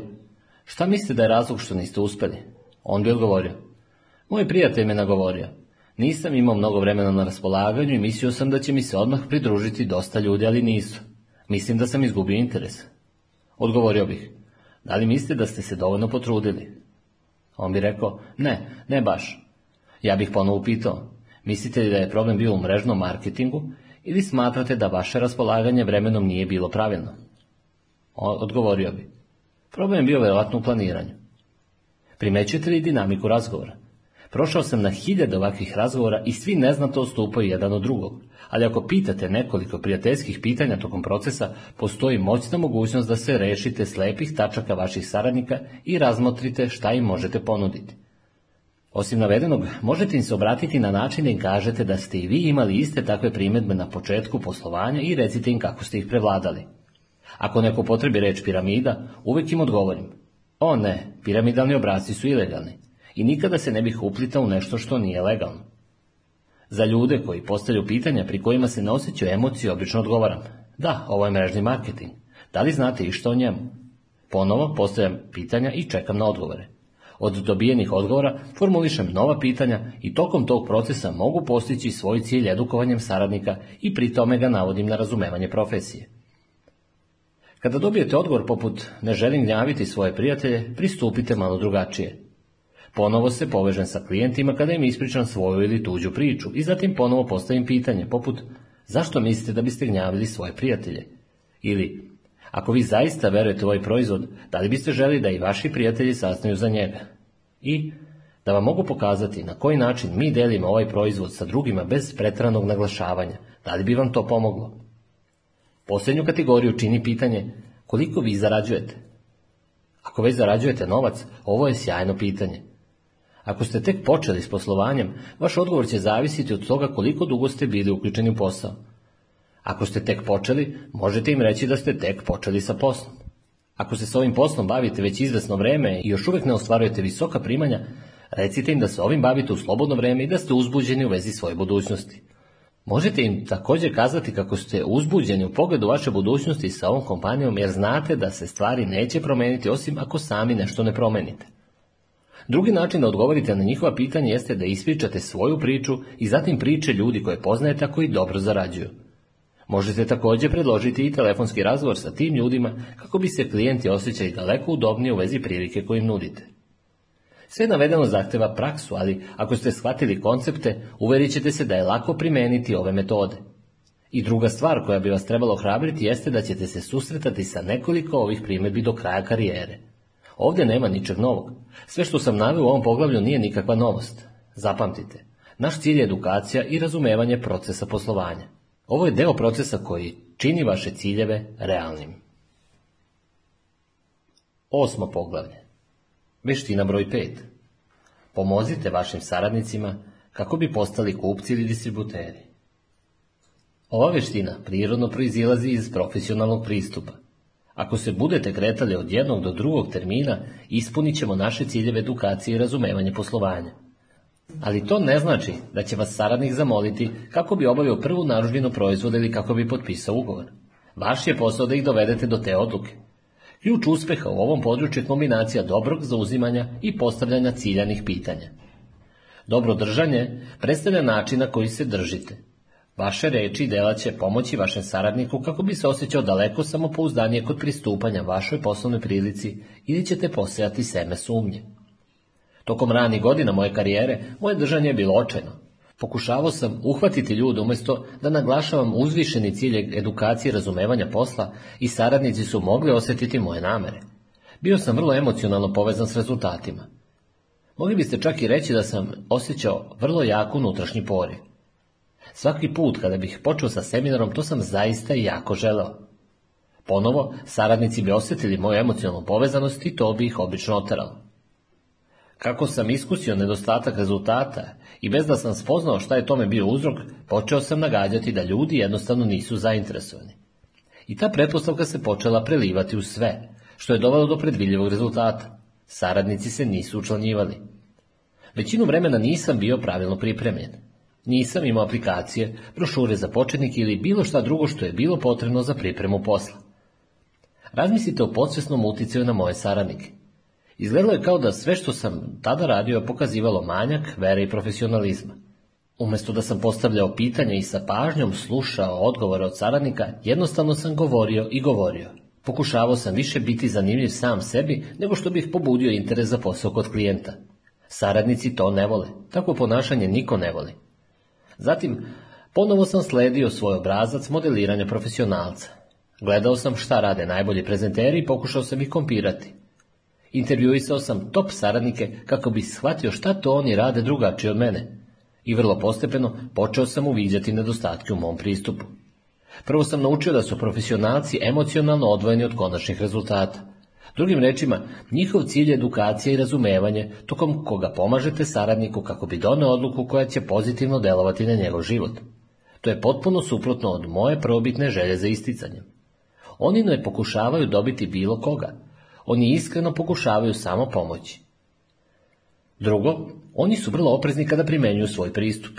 Oni očekuju da će im se osoba pridružiti iz razloga što oni veruju da je ovo prilika putem koje će profitirati kao saradnik. Oni su vrlo čvrsti. Mnogi od njih se iskreno šokiraju kada osoba odluči da neće ući u posao. Treće, bilo je interesantno naučiti na koji način promoviću sebe kao što promoviću svoj proizvod ili poslovnu priliku. Putem navedenog, njima je cilj pomoći saradnicima kako bi doneli odluku i da i oni odgovore, dobili ste me.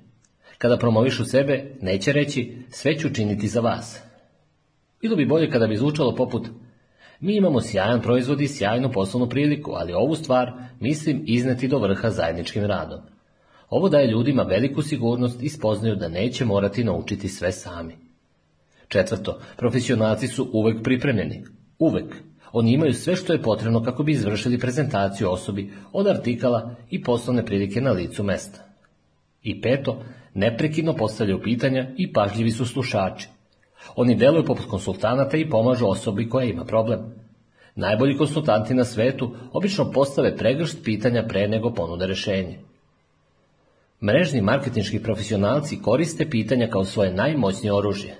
Kao što i možete zamisliti, trebalo mi je nešto vremena kako bih sve navedeno shvatio i tek tada sam uspeo izvojevati polovinu bitke.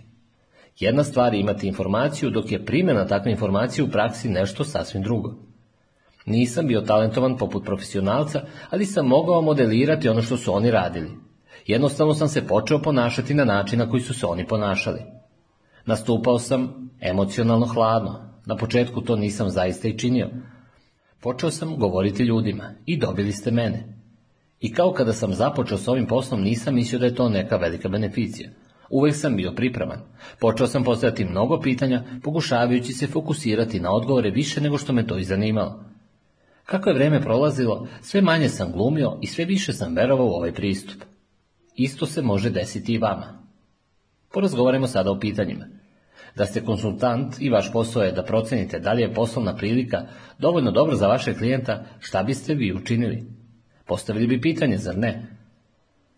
Tokom rada, kako bi pomogli saradniku da preduzme pozitivnu odluku povodom poslovne prilike i vi ćete uraditi istu stvar. Međutim, umjesto zapitkivanja šta mislite o tome što ne vodi nikuda, naučite postavljati pitanja koja vode u pozitivnom smeru. Da li vam to ima smisla? Šta vam se najviše svidjelo u vezi onoga što ste upravo vidjeli? Prilično uzbuđujuće, zar ne? Možete li uvidjeti kako ovo može biti prilika za vas? Od svih navedenih primjera, meni je najdraže pitanje šta vam se najviše svidjelo. Odgovor na ovo pitanje je obično uvek pozitivan i daje vam dokaze o području za koje su najviše zainteresovani. Zatim molim reći saradnicima, dopustite vam postavim pitanje, na lestvici od 1 do 10, pri čemu 0 predstavlja da nemate interesa, a 10 znači da ste spremni odmah da započnete raditi gdje se vi sada upravo nalazite. Oni će vam dati određeni broj, i očito je jasno iz datog broja da im je potrebno više informacija pre nego što donesu odluku ili nameravaju odmah da započnu posao. Ako osjećate da je saradnicima potrebno više informacija, dovedite ih do sljedećeg termina i pomozite im. Ali ako osjećate da su spremni da započnu posao, postavite seriju od četiri pitanja za zatvaranje poslovne prilike. Ova četiri pitanja za zatvaranje su doveli do čvrstih i konzistentnih rezultata tokom cele moje karijere. Ako ih naučite i iskoristite ih, bit ćete oduševljeni koliko ljudima možete pomoći. Pitanje broj 1. Bazirano na onome što ste upravo vidjeli, ako želite početi da radite sa ovom kompanijom i prihvatite ovaj posao kao posao koji ćete obavljati u slobodno vrijeme, približno koliko će vam biti potrebno da zaradite mesečno kako bi ovaj posao bio vredan vašeg vremena. Umjesto da saradnika upitaju navedeno pitanje, većina saradnika kaže nešto poput da li biste želi zaraditi 10.000 dolara mesečno? Nemojte to raditi. Umjesto da im prepisujete šta vi mislite da oni žele, samo ih upitajte šta bi trebalo preduzeti kako bi njihovo vrijeme bilo vredno ovog posla i čekajte njihov odgovor. Pitanje broj 2. Otprilike koliko sati nedeljno se možete posvetiti ovom poslu kako bi generisali navedenu količinu prihoda. Sada oni moraju provjeriti svoj mentalni kalendar kako bi vidjeli koliko vremena trebaju da ulože kako bi zaradili pomenutu količinu novca. Pitanje broj 3. Koliko mjeseci biste proveli radeći ovaj posao kako bi sebi omogućili navedenu količinu prihoda? Nameće se pitanje o tome kako bi saradnici razmislili o njihovom nivou predanosti ako bi želi da ostvare prihode iz prvog pitanja. Pitanje broj četiri. Ako bih vam mogao pokazati kako da ostvarite dobitak od, u skladu s njihovim odgovorom iz prvog pitanja, mesečno, pri tome radeći u skladu s njihovim odgovorom na drugo pitanje, toliko i toliko sati nedeljno, tokom perioda u skladu s njihovim odgovorom na treće pitanje koliko meseci, da li biste bili spremni da započnete ovaj posao? Mnogo puta na ovo pitanje ćete dobiti pozitivan odgovor. I kada vam ljudi kažu svakako pokažite mi kako, možete predstaviti vaš kompenzacioni plan i izraditi im realni poslovni plan kako bi postigli te svoje ciljeve. Postoje redke okolnosti kada vam ljudi nude nerealne činjenice, mogli bi kazati kako žele zaraditi 10.000 dolara mesečno radeći svega dva sata nedeljno tokom jednog meseca. To se ne dešava često, ali se dešava. Ako se suočite s takvom situacijom, delovat ćete kao konsultant i kazati Žao mi je, ali vaša su očekivanja previsoka. Možete zaraditi 10.000 dolara mjesečno, ali će vam trebati više uloženih radnih sati i više meseci koje ste voljni posvetiti poslu. Ako želite promeniti takve očekivanja, možemo porazgovarati. Ako i ne dobijete pozitivan odgovor na sva četiri pitanja, to je u redu. To jednostavno znači da će vaš saradnik trebati više vremena da provede na terminima prije nego što postane spreman za posao. Zakažite sljedeći termin i ponovite ceo postupak. Ova veština će od vas zahtevati praksu. Međutim, to je veština koja će vas dobro poslužiti do kraja vaše karijere. Ako ste umorni od činjenice što vam preveliki broj ljudi razmišlja na ovaj način i ne preduzima dovoljno delovanja, ova metoda će vam uveliko pomoći. Deveto poglavlje Veština broj 6 Pomozite vašem novom saradniku kako bi pravilno započeo s poslovanjem. U mrežnom marketingu ljudi ulažu ogromne napore, vreme i novac kako bi učlanili nove saradnike i zatim upropaste takvu investiciju prepuštajući svoje nove saradnike kako bi sami pohvatali sve konce. Profesionalci to ne rade. Oni postave prikladna očekivanja, pomognu saradnicima kako bi dobili izvesne brze rezultate i zatim nastavljaju voditi novog saradnika tokom niza etapa u našoj profesiji. Ja sam imao dosta sreće što je moj prvi mentor bio Michael Nelson, koji je bio vrlo vešt tokom vođenja novih saradnika. Iako Michael nije bio član moje uzlazne linije, međutim u gradu gde sam živao je bio jasno prepoznat kao lider. Osim navedenog, imao je dosta iskustva u našoj profesiji. Tako sam pažljivo slušao šta bi mi govorio, pratio sam sve što je radio i svaki put bi mu se obraćao s mnoštom pitanja. U to vrijeme imao je malu kancelariju blizu moje kuće i uvijek sam se motao unaokolo kako bih naučio nešto novo. Michael je bio vrlo uspješan u privlačenju saradnika. Uvijek je dovodio nove ljude. I u većini slučajeva ljudi koje je Michael učlanio su profitirali u svom poslu. Međutim, to nije bio slučaj sa mnom. Onih nekoliko ljudi koje sam ja učlanio nisu preduzeli ništa. Dok sam posmatrao Majkla, primetio sam da svaki put kada bi učlanio novog saradnika, dogovorio bi ono što je on nazivao kao intervju plana igre. Odlučio sam kopirati ono što je on činio. Sljedeći put kada bi se on susreo sa svojim novim saradnikom, sedao bih iza njih, dovoljno blizu kako bih vodio beleške o toku njihovog razgovora. Ovo sam učinio nekoliko puta i bio sam iznenađen kada sam naučio da bi on provao identičan intervju svakog puta. Pomislio sam da ako bih naučio postupak tokom intervjua, tada bih verovatno imao šansu da ostvarim njegove rezultate. Intervju plana igre, prvi deo. Pohvalio bih odluku klijenata što su odlučili da postanu saradnici u mrežnom marketingu. Govorio bi im nešto poput Čestitam vam što ste doneli odluku. Ponosan sam na vas što ste preuzeli odgovornost u svom životu. Od sada stvari će biti drugačije za vas i vašu porodicu. Uvijek mu je trebalo manje od pet minuta, ali na kraju njihovog razgovora napustila bi bilo kakva sumnja u vezi situacije što su postali saradnici. Osjećali su se odlično. Intervju plana igre drugi deo.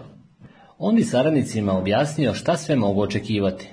On je znao da većina ljudi dolazi u naš posao sa nerealističnim očekivanjima i zato je uvijek govorio tri iste stvari.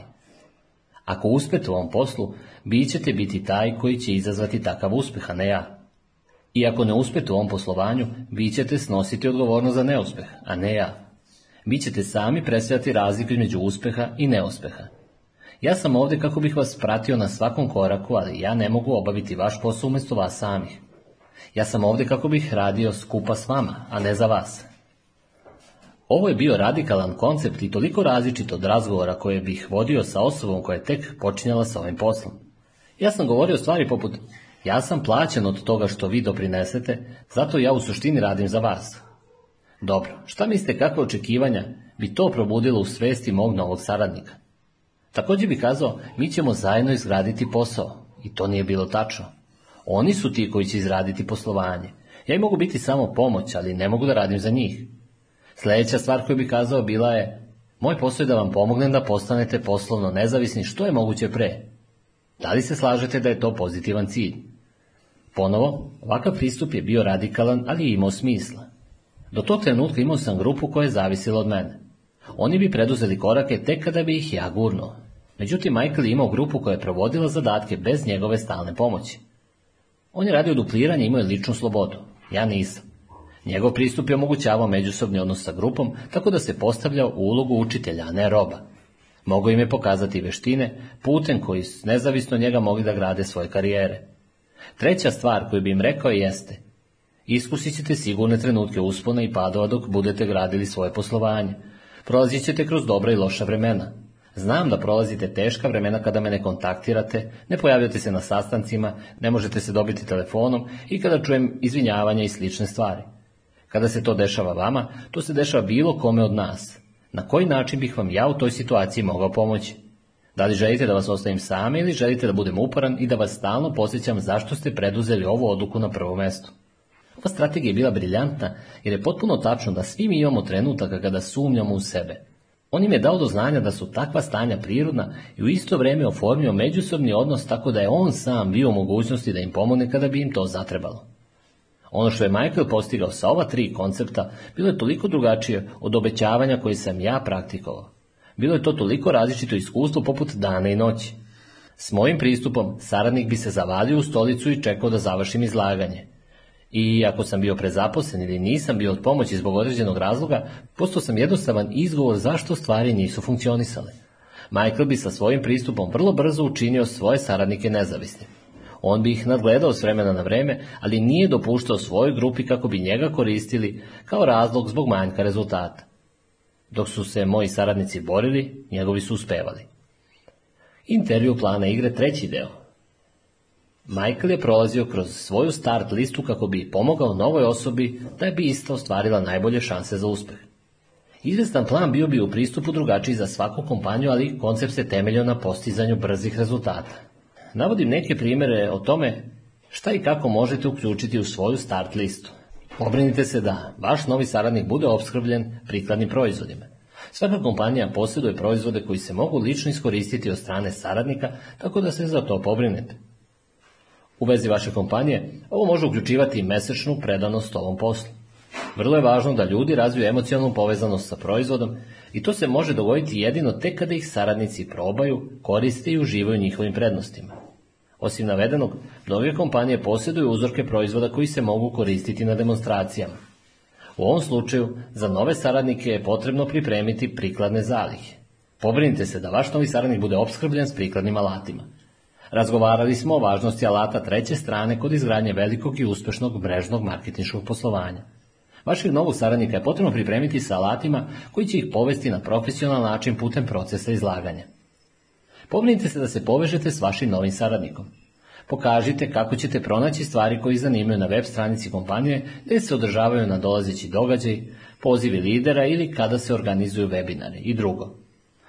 Zapamtite, naš cilj je pomoći saradnicima kako bi postali samostalni što je premoguće. Ovo je važan korak pri čemu vaši ciljevi postaju realnost. Pobrinite se da vaš novi saradnik posjeduje temeljno znanje kompenzacijonog plana.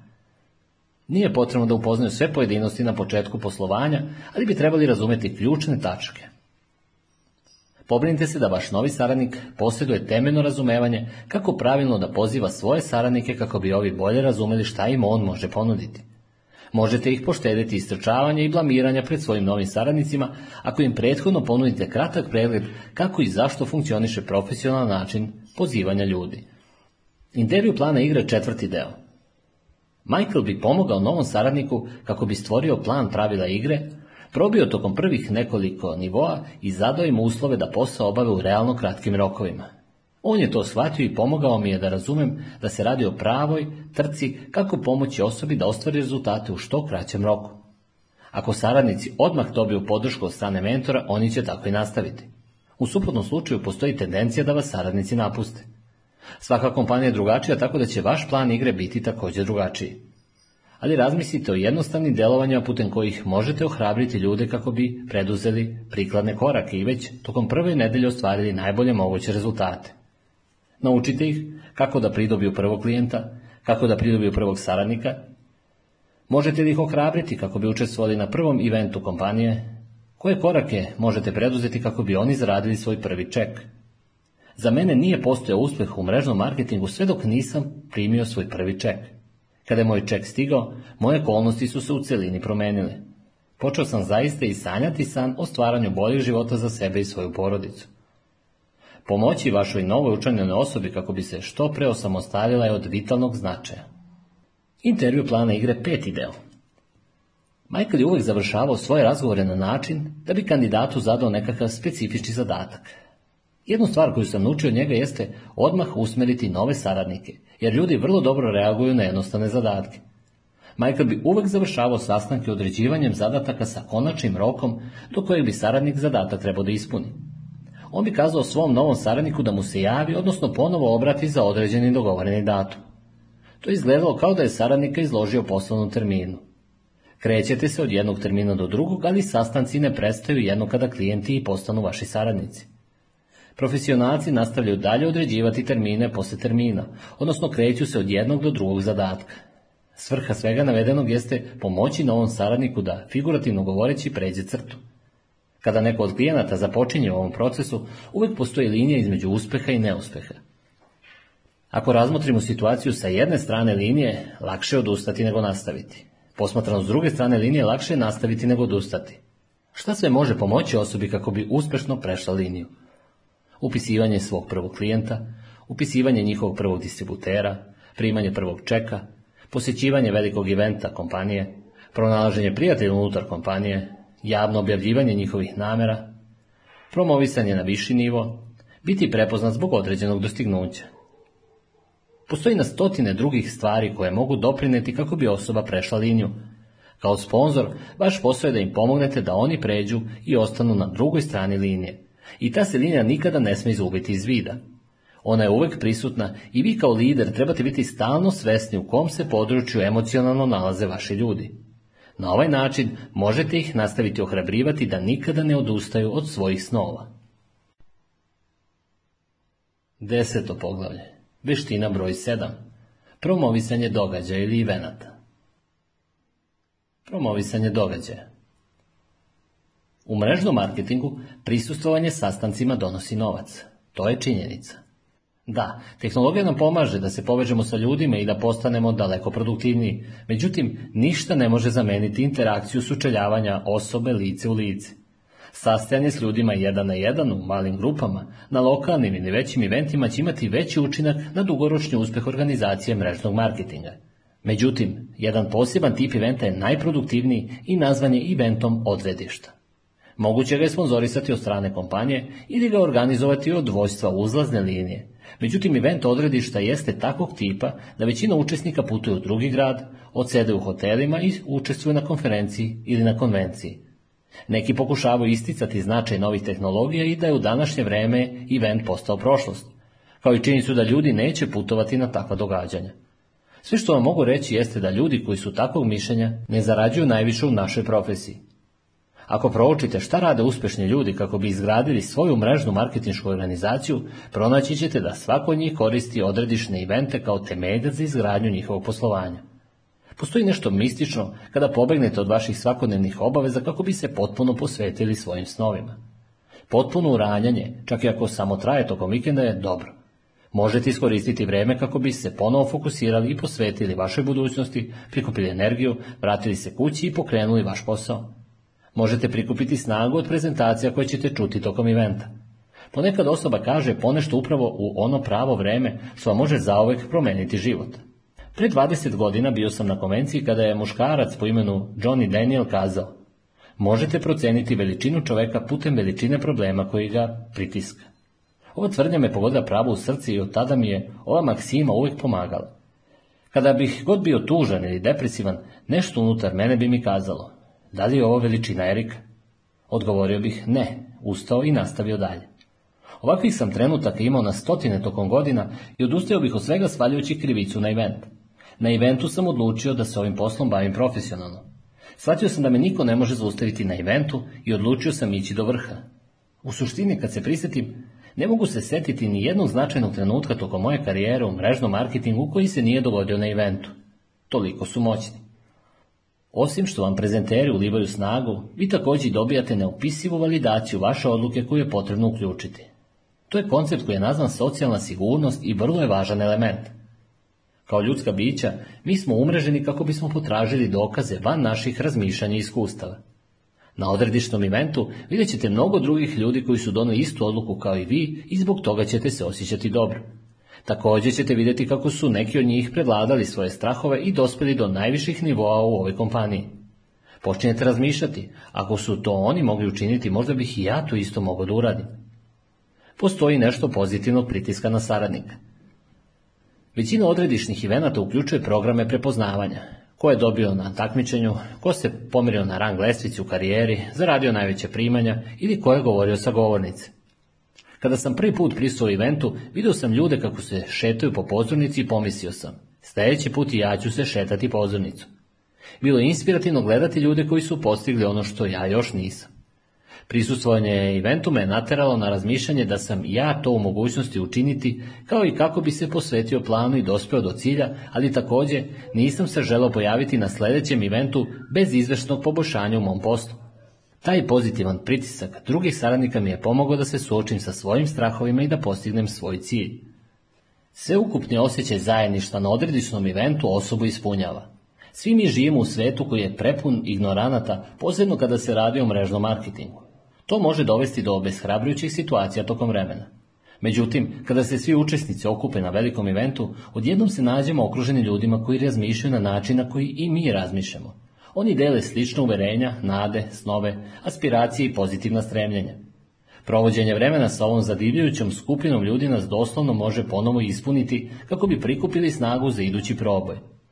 Jednom kada shvatite koliko su važni odredišni eventi za uspeh u vašem poslovanju, trebate naučiti o tome kako da ih promovišete u vašoj organizaciji. To je zaista vrlo jednostavno. Što više ljudi iz vaše grupe prisustuju eventu, više ćete zaraditi novca u vašoj profesiji. Top lideri znaju tačno koliko će ljudi prisustvovati i pobrinut će se da taj broj bude sve veći prilikom svakog idućeg eventa. Razmislite o tome. Uzmite kao primjer dvojicu saradnika, pri čemu svako od njih upravlja grupom od 100 ljudi. Saradnik A smatra takva događanja prioritetnim i dovodi svakog od poznanika kako bi prisustvovali svakom glavnom odredičnom eventu. Saradnik B to ne smatra prioritetom i eventu prisustuje svega nekolicina ljudi. Koja će grupa biti uspešnija? Prvi korak je razviti kulturu putem koje će se promovisati prisustvovanje na odredišnim eventima, odnosno postati lično predan više nego bilo ko drugi, kao i pomoći drugima kako bi doneli istu odluku kao i vi. Ovo znači da vam je potrebno vojstvo koje će vam ponuditi primjer, koji će vas uputiti da nikada ne propustite odredišni event. Kada sam tek počinjao raditi u ovoj profesiji, nisam znao kako ću sve navedeno provesti u delo. Nisam imao dovoljno novca i nisam mogao priuštiti vremena. Imao sam iste prepreke kao i svi drugi. Međutim, nešto mi se dogodilo tokom mog prvog eventa što je sve iz temelja promenilo.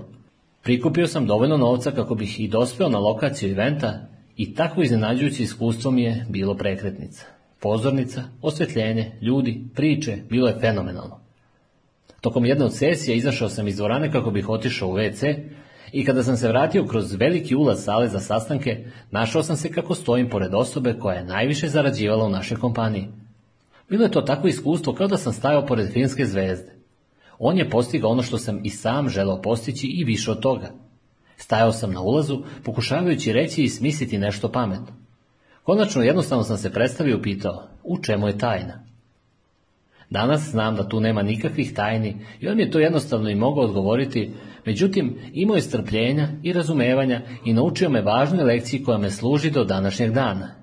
Kazao mi je, Erik, Vidiš li ovu prostoriju? U njoj je odselo 2000 ljudi. Održavamo ovakve evente tri puta godišnje. Reći ću ti u čemu je trik. Na sljedećem eventu polovina ovih ljudi neće prisustvovati, dok će druga polovina doći na event i stvorit će dvostruku većinu od prosjeka u ovoj prostoriji. Vaš posao je da budete među tih hiljad ljudi koji će se vratiti. I tu se ne zaustajamo. Na sljedećem eventu polovina od ovih hiljadu ljudi tada prisutnih neće doći, ali 500 ljudi koji će doći će učestvovati kao četiri puta zastupljenija grupa od proseka posjećenosti. Ovo se nastaje od jednog eventa do drugog. Ako se kontinuirano vraćaš na evente, završit ćeš kao jedan od najviše plaćenih ljudi u ovoj prostoriji i konačno ćeš se naći u prilici da nastupaš i na pozornici. Odgovorio sam mu, i to je sve? On je odgovorio, Erik, očito ćeš trebati nastaviti raditi na svojim veštinama između ivenata, ali mi moje iskustvo govori da ako nastaviš dolaziti na naše najveće evente, popećeš se do samog vrha. Ovo mi je bilo više nego jasno. Zahvalio sam se i istovremeno donao čvrstu odluku da neću propustiti ni jedan veliki kompanijski event. Nije bilo lako. Ponekada je cena ulaznice za event presela problem. Kako sam se obavezao dolaziti, pronašao sam način kako bi ih i kupio, Ponekada je briga o detetu bila problem. Neumorno smo tražili babysitera, sve dok nismo pronašli nekoga kome možemo verovati. Ponekad sam se mučio kako da doputujem na event. Umjesto da bukiram jedan udoban direktan let, bukirao bih letove sa dva ili tri presedanja. Umjesto putovanja avionu ponekada bih vozio. Često bih bio naguran u jedno vozilo sa drugom grupom ljudi kako bih došao na event. Iskusio sam i vremena kada bih rezervisao autobus i podelio cene karata sa novom grupom ljudi iz mog područja. Svrha mi je bila prisustvovati eventu i doputovati, bez obzira na sve. Što se tiče smeštaja, danas odsedam u apartmanima, ali nije uvijek bilo tako. Na početku često bih delio sobu sa što većim brojem ljudi. Umjesto sobarica otišli bismo do lokalnog dućana i kupovali bi namenice za jeftino pripremljene obroke. I izbjegavali smo se služiti minibarom. Zaključak – Savet koji sam usvojio pre toliko godina zaista deluje. Zbog razloga što sam bio ambiciozan i često gladan, smislio sam način kako da prevladam i figurativno govoreći nad živim ljude koji nisu bili toliko predani u ovom poslu. I baš kako mi je kazala osoba koja je najviše zarađivala, moji prihodi su nastavili rasti sa svakim sljedećim eventom. Povrh svega, desila mi se još jedna neobična stvar. Počeo sam se osjećati drugačije od drugih ljudi. Osjećao sam se poput čoveka od čelika. Postao sam ponosan na činjenicu da sam još uvijek ostao predan među drugim ljudima koji su izgubili veru.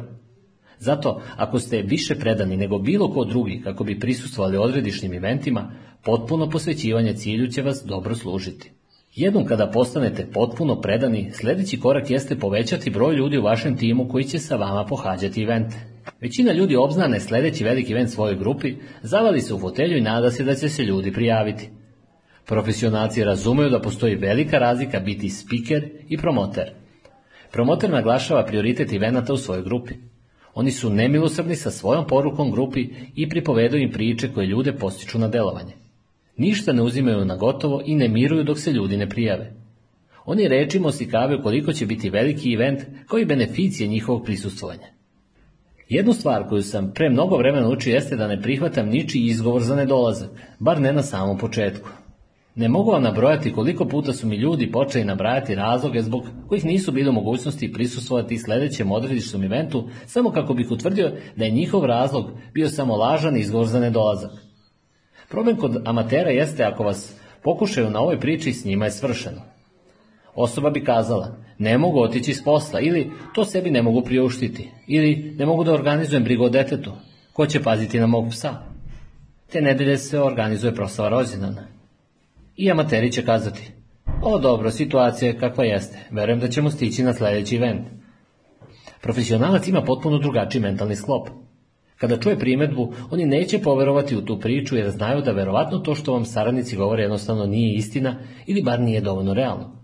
Umjesto toga, rade sa tom osobom kako bi im pomogli da shvate značenje i važnost prisustvovanja takvom eventu. Zatim se zajedno domišljaju kako da prevladaju početni problem.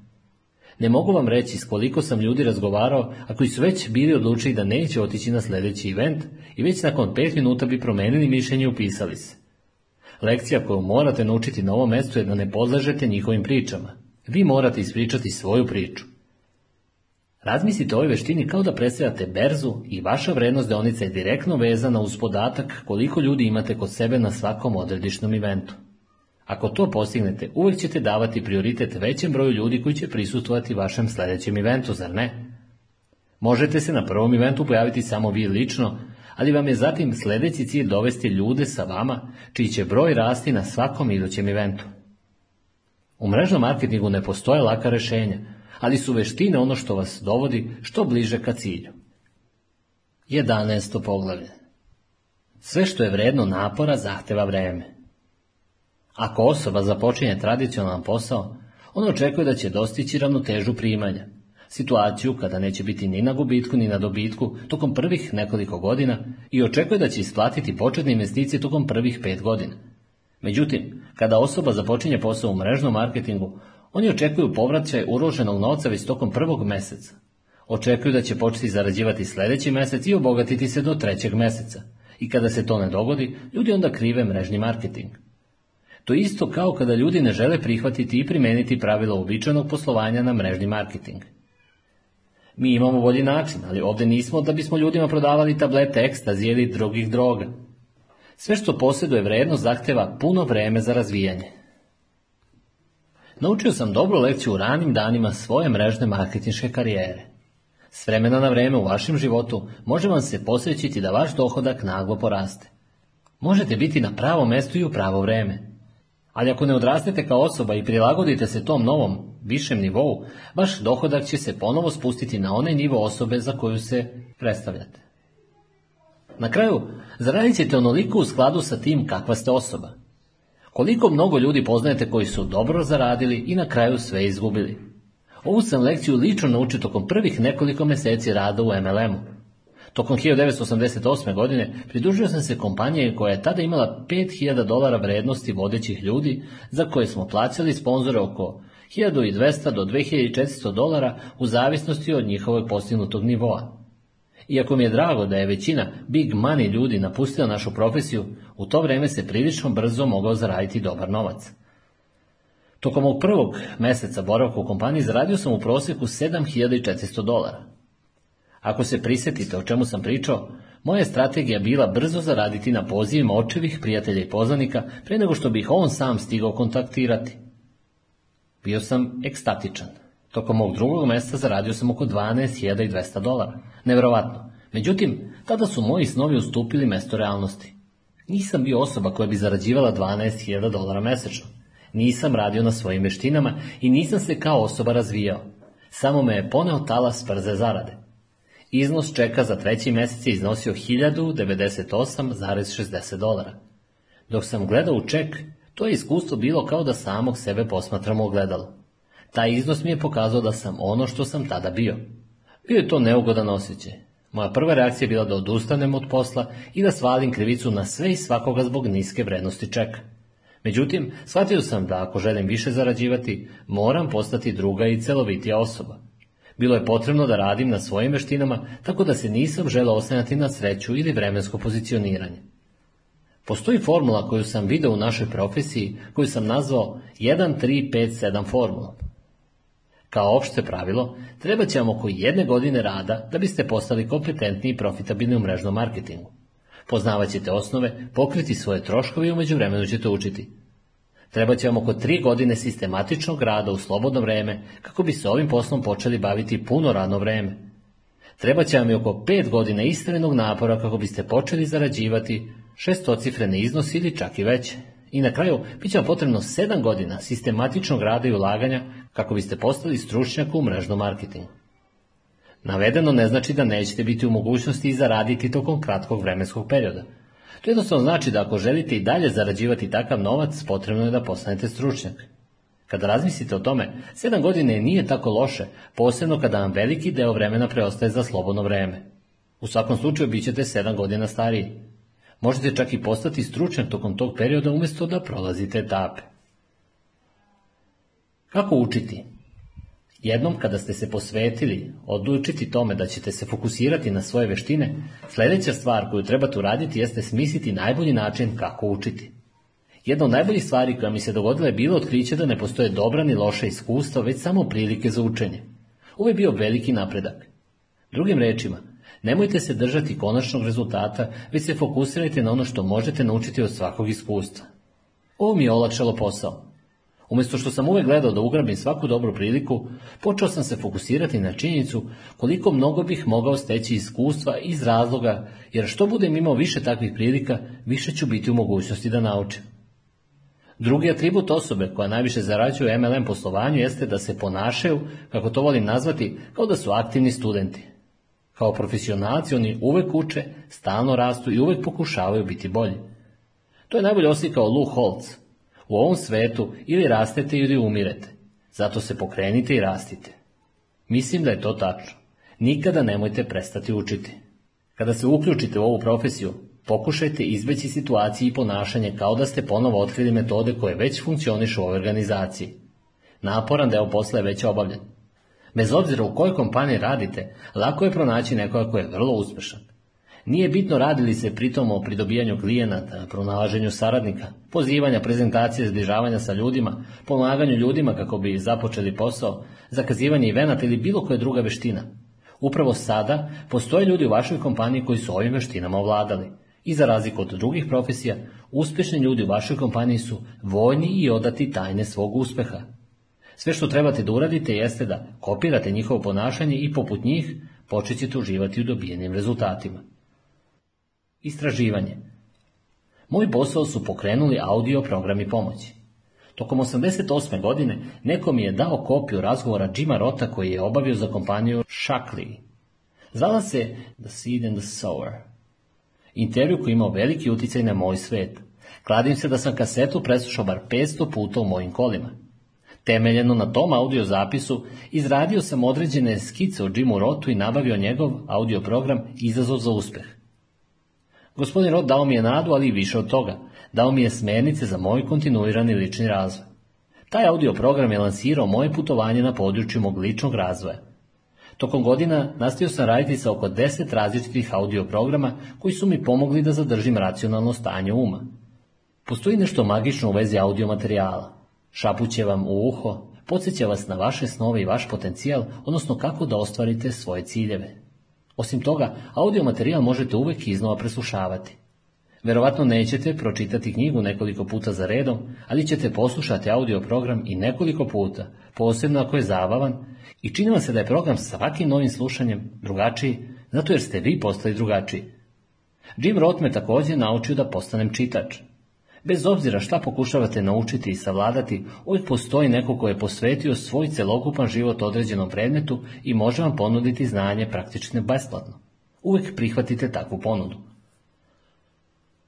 U našem svetu, prepunom elektronike i društvu kojem nedostaje pažnje, sve manje ljudi čita knjige. To nije tačno za lidere. Pitajte distributere koji najviše zarađuju da li čitaju knjige. Tim više, upitajte ih šta čitaju. Ja lično nisam bio previše posvećen čitanju, pre nego što sam postao mrežni marketinški profesionalac.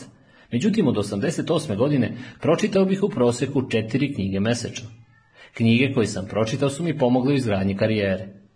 Posvetite vaše vreme i ako dnevno pročitate 10 stranica, moći ćete da pročitate knjigu od 300 stranica u mjesec dana. To je sjajan početak. materijali su drugi izvori i predstavljaju izazov za uspešno učenje. Ponekad volim pogledati program obuke umjesto da samo slušam materijale. To je razlog zašto sam odlučio da koristim video materijale kao svoj glavni fokus. Internet je promijenio naše poimanje učenja i prikupljanje informacija. Možete iskoristiti prednosti online tutoriala, gledati video sadržaj online, pohađati online webinar ili čak uživo pratiti prenose sa eventa tehnologijom direktnog prenosa. Najbolji način putem kojeg je moguće prikupiti informacije koje će vam promeniti život jeste prisustvovanje eventima. Kao što sam već i kazao, većina mojih trenutaka kod donošenja odluka su se dogodila upravo na eventima. S jedne strane, postoji uvek dobra sročena informacija za osobu koja sluša izlaganje. Kada eliminišete sve druge faktore koji zaista uslovljavaju ometanje u vašem životu i samo se fokusirate na prisutovanje eventu, imate šanse zaista takvo izlaganje i čuti. Klonite se nepotrebnih ometanja. Sa svim mogućnostima koje su vam dostupne u smislu proučavanja sobstvenih veština, sada više nego ikada pre morate biti pažljivi šta dopuštate da vam okupira um. Ljudi će vas svugde pokušati ometati sa njihovim najnovijim i velikim postignućima i može biti vrlo izazovno prihvatiti takve prilike koje vam se budu nudile. Vi se trebate fokusirati na vrlo uzak krug veština, pronalaženje saradnika, pozivanje, prezentacija, praćenje saradnika, sklapanje ugovora, vreme provedeno tokom pomoći takvim ljudima kako bi pravilno započeli ovaj posao i promovisanje ivenata. Pobrinite se da ovladate takvim vještinama pre dodavanja bilo čega drugog na vaš popis. Delovanje Gotovo sve što se nauči u MLM poslovanju je potrebno primeniti u praksi.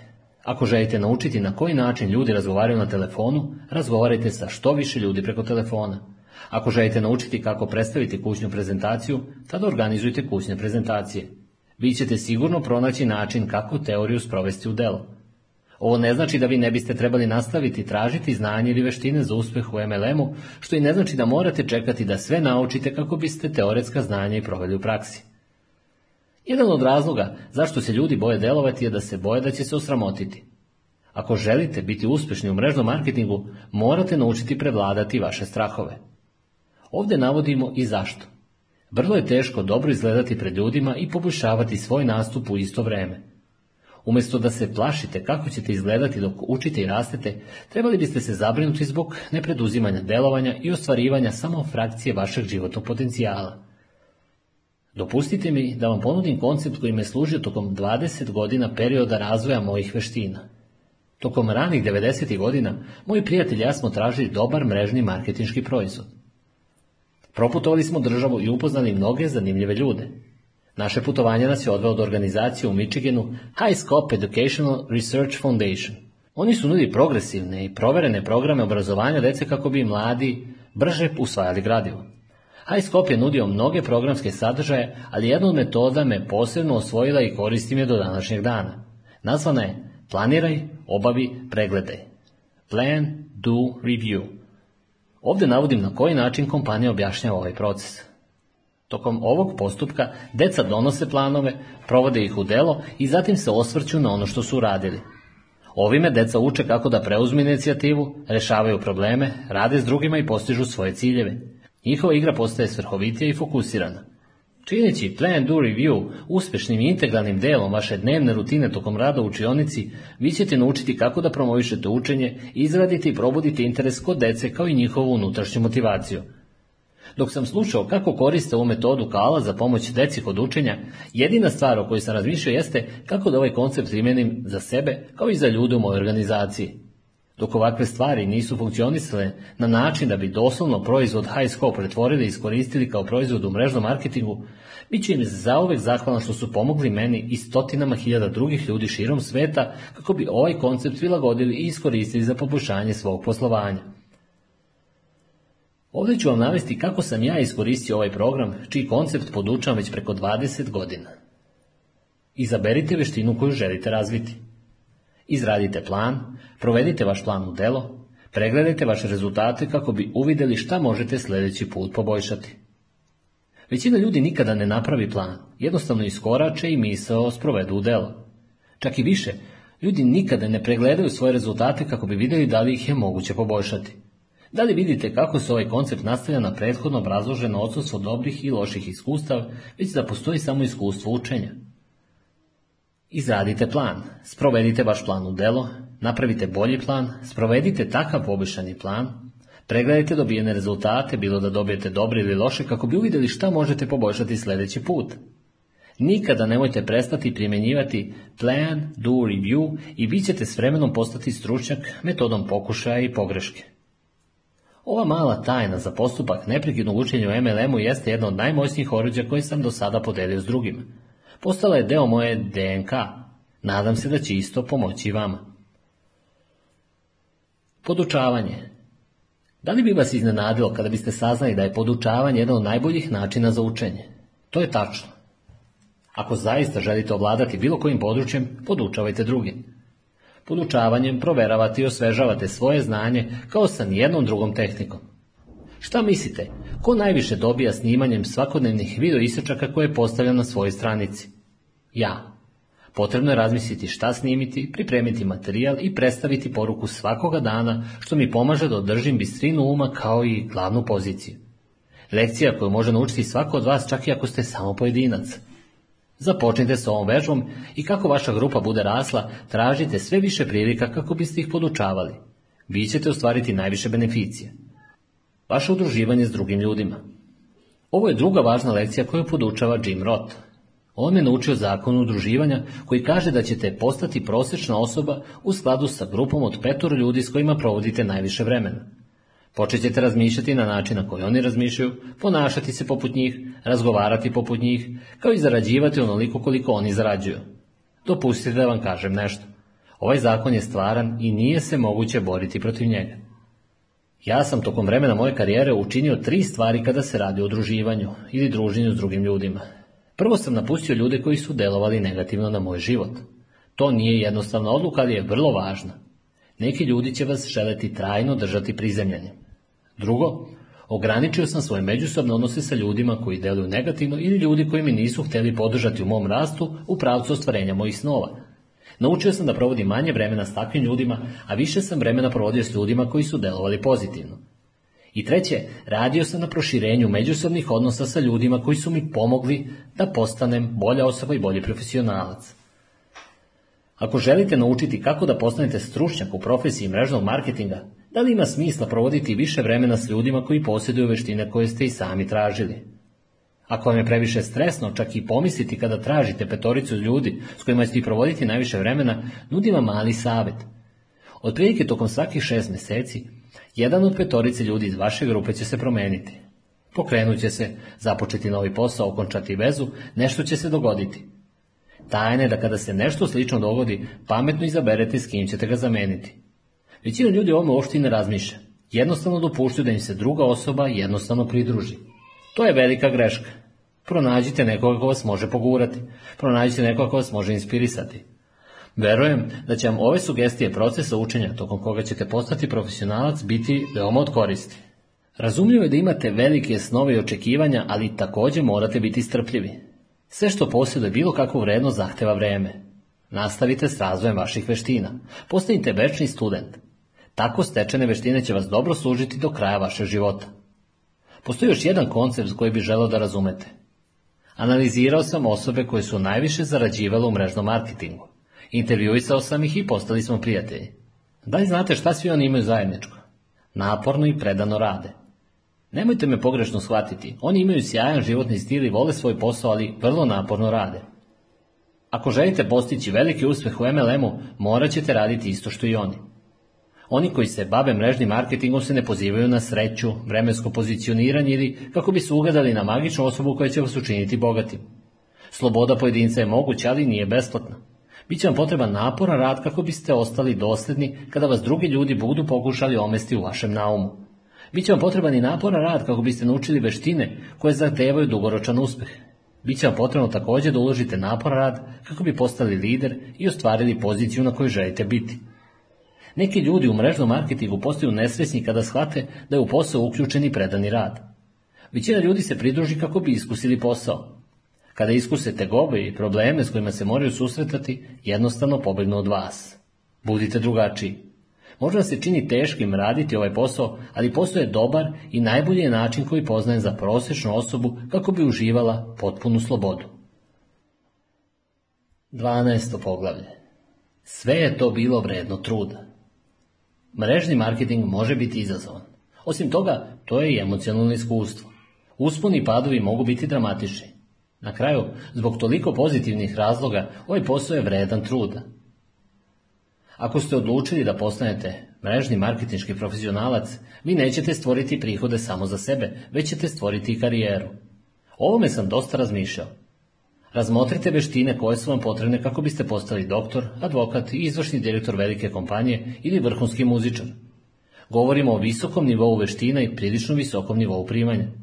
Sada razmotrite veštine koje su vam potrebne kako biste postali mrežni marketinški profesionalac. Takve veštine su minorne u poređenju sa gore navedenim zanimanjima. I još pritom mrežni marketinški profesionalci uživaju u višem nivou primanja i svakako većem stepenu slobode. Ako pogledate bilo koju karijeru, postoji prepreka pri ulazu. Teško je ući u sistem kao i dugoročne beneficije. Ono što ćete dobiti ako uđete u sistem. Naprimjer, se škole punih 12 godina plus stažiranje. Ovo zahtjeva inteligenciju koju neki od nas nemaju, novac koji neki od nas nemaju ili čak i moguće kontakte koje neki od nas nemaju. Na kraju, takvi ljudi uživaju dugoročne beneficije, iako bi mnogi od njih i kazali kako beneficije nisu bile vredne toliko ulaganja. Uvijek postoji razmjer između barijere ulaska i dugoročnih beneficija. Nikada nisam dovodio u pitanje da od svih profesija na svetu, profesija mrežnog marketinga ima najbolju meru kada uporedite nisku barijeru ulaska sa dugoročnim povratom. Jedna od najboljih odluka koju sam donio u životu je bila izgradnja karijere u mrežnom marketingu. Kada sam postao profesionalac u ovom poslu, sada postaje zabavno dok provodim veliki deo svog vremena pomažući drugim ljudima kako bi postigli isti cilj. Sloboda koju ćete iskusiti. Sloboda je zanimljiv pojam. Kada se radi o poslu, mislim da svi mi razumemo koncept, ali ne i celovito značenje. Za mene, sloboda znači imati izbor. Želim živjeti svoj život umjesto života koji drugi ljudi žele da živim. Da li se sećate zamisli koje ste proživljavali kao dete? Zamislite svoj život bez granica. Probudite se kada se naspavate. Obavljate posao koji vas ispunjava i čini vas srećnim. Radite s ljudima s kojima volite raditi. Ne trebate ulaziti sve vreme u kompromise. Radite kada osjećate da biste trebali raditi, ali isto se tako zabavljate kad za to imate potrebu. Potrebno je da provedete jako mnogo vremena s ljudima koji su vam važni. Živite život punim plućima i niste satrani u mišu rupu. Kada dobijete celovitu sliku o tome šta znači sloboda, utvrdit ćete i cijenu koju je potrebno platiti kako bi postigli šta želite u mrežnom marketingu, koja je ovdje vrlo niska. Sučeljavate se sa vašim strahovima i živite život koji je slobodan. Provesti ostatak vašeg života živeći iz pola kapaciteta je teško i mučno. Drugi životi koji ćete dotaći. Jedna je stvar stvarati slobodu za sebe i svoju porodicu. Potpuno je druga stvar pomoći nekome drugome da učini isto što i vi. Postoji toliko ljudi koji se stalno bore na ovome svetu. Vi ćete imati mogućnost pomoći ljudima kako bi sagledali širu sliku. Možete ponuditi nadu onome ko nema perspektive. Možete ohrabriti njihove snove. Možete im pružiti inspiraciju potrebnu kako bi se suočili i prevladali njihove strahove. Proživljam svoje najsrećnije trenutke kada prisustujem i slušam nečija druga svedočanstva. Sjajno je čuti kako je neko od saradnika bio izgubljen kao osoba koju sam ja na jedan svojevrstan način pomogao da pronađe svoj put. Mrežni marketing vam omogućuje navedeno da obavite na vrlo celovit način. Ne samo da možete pomoći jednoj osobi, već možete pomoći i na stotine i čak hiljadama ljudi kako bi živjeli bolje životom. I uzbuđujuća pomisao jeste da je to samo početak. Navedeno volim uporediti sa događajem kao kada bacite kamen u jezero. Kada kamen udari u površinu vode, nastaju kružni talasi koji narastu onoliko dok ne dospiju do svakog kraja jezera. U mrežnom marketingu ponekada i ne vidite sve talase, možete biti svesni utjecaja na život osobe i verovatno stvorite, figurativno govoreći, jedan ili dva talasa bez obzira da li ih možete vidjeti ili ne, a oni nastavljaju da rastu. Zbog navedenog se bavim ovim poslom. Zato sam i napisao ovu knjigu. Znam da će imati pozitivan utjecaj na ljude i to figurativno predstavlja onaj kamen bačen u vodu. Zatim će ti isti ljudi imati pozitivan utjecaj na druge ljude i ponovo će se početi širiti talasi i tako u nedogled. Putem mrežnog marketinga možete napraviti duboku promjenu. Ljudi koje ćete upoznati. U mrežnom marketingu sam se upoznao sa mnogim ljudima. Ova profesija omogućava ne samo da proširite vaš krug prijatelja, već vam također omogućava da sa njima provedete i više vremena. Nikada nećete pronaći tako predanu grupu ljudi, preduzetnike u bilo kojoj drugoj profesiji. Ovi ljudi vole život i provode svoje vreme pomažući jedan drugom. Ovdje ću vam navesti primjer šta je to sve značilo za mene, kao i šta bi moglo da znači za vas. Možete imenovati bilo koju državu u SAD-u ili bilo koju drugu državu na svetu i odmah se setim nekog prijatelja. Mrežni marketing me također upoznao sa mnogim ljudima koje sam smatrao herojima. Bio sam dovoljno srećan kako bih delio pozornicu i postao prijatelj velikana poput Antonija Robinsa, Briana Tracia, Denisa Whitleya, spokojni Steven Covey-em, Tom Petersom, Les Brownom, pokojnim Ogmandinom, David Bachom, Robertom Kiyosakijem, Harvey McKay, Art Williams, Ken Blanchard, Tom Rat, Daniel Pink, Mark Victor Hansen, Jack Canfield, Jeffrey Gitomer, Gary Vaynerchuk, Tom Hopkins, kao i mnogi, mnogi drugi. Povrh svega, bio sam u mogućnosti da učim od ljudi koji su svi zajedno zarađivali više miliona dolara nego što bi ih mogao sam izbrojati. Svi oni su imali pozitivan učinak na moj život i karijeru. Ova profesija mi je također pomogla da se upoznam sa mojom divnom suprugom Marinom. Bio sam u Moskvi tokom velikog MLM eventa obuke i ona je pohađala event sa svojom porodicom. Iz razloga što je govorila više jezika, pomogla nam je tokom prevođenja. Bio sam očaran. Naš prvi susret smo dogovorili na crvenom trgu, nakon eventa, dok su tiho padale snežne pahulje svuda oko nas. To nikada neću zaboraviti. Od tada smo zajedno. Ne kažem da ćete pronaći novu ljubav u MLM-u, ali ono što vam pokušavam reći jeste da ćete pronaći prijateljstva koja će potrajati ceo životni vek. Mesta koja ćete posjetiti. Ako izgradite veliku i uspješnu MLM mrežu, dogodit će vam se nekoliko stvari. Prvo, imat ćete priliku da putujete na odredišta iz vaših snova. Drugo, treba će vam podrška vaše organizacije kako se kompanija bude širila na svaku teritoriju ili državu gdje vaša kompanija vodi poslovanje. I treće, raspolagat ćete s dovoljno novca i vremena da ćete moći putovati gdje god želite. Osoba koja ćete postati tokom procesa. Mrežni marketing je promenio moj život na bolje zbog razloga koji me prisio da postanem bolja osoba. Kao profesija mi vršimo premeštaj robe i vršimo usluge za klijente koji ih žele. Međutim, naša prava svrha je mnogo dublja. U svojoj srži ova profesija je inkubator za lični rast. Naučit ćete kako prevladati sobstvene strahove. Naučit ćete kako da rešavate probleme, kako da izgradite svoj um pozitivnim razmišljanjima i eliminišete ona negativna, kako da se izgradite kao čvrsta osoba. Naučit ćete kako voditi ljude. Kada sam se tek počinjao baviti ovom profesijom, sve što sam činio bilo je posljedica straha. Plašio sam se da neću uspeti. Bojao sam se da će mi ponestati saradnika. Bojao sam se da ću propustiti priliku. Međutim, s vremenom je taj strah napustio.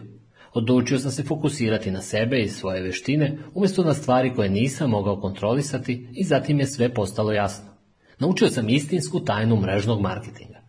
Najveća dobrobit nije ono što želite. Najveća dobrobit je da dobijete ono što vam je potrebno. Naučio sam da je sve što nam je potrebno tu, među nama i da se prenosilo s generacije na generaciju. Putovanje je sve što vam treba. Hvala vam što smo zajedno proputovali kroz ovu knjigu. Dopustite da zaključim izlaganje onim što imam običaj reći na kraju svakog videa mrežnog marketinga pro. Dami i gospodo, moja želja za vas jeste da odlučite da postanete mrežni marketinški profesionalac. Odlučite krenuti GoPro, iz razloga jer smo definitivno utvrdili činjenicu da mi nudimo bolji način. Sada ove vesti prenesite drugima.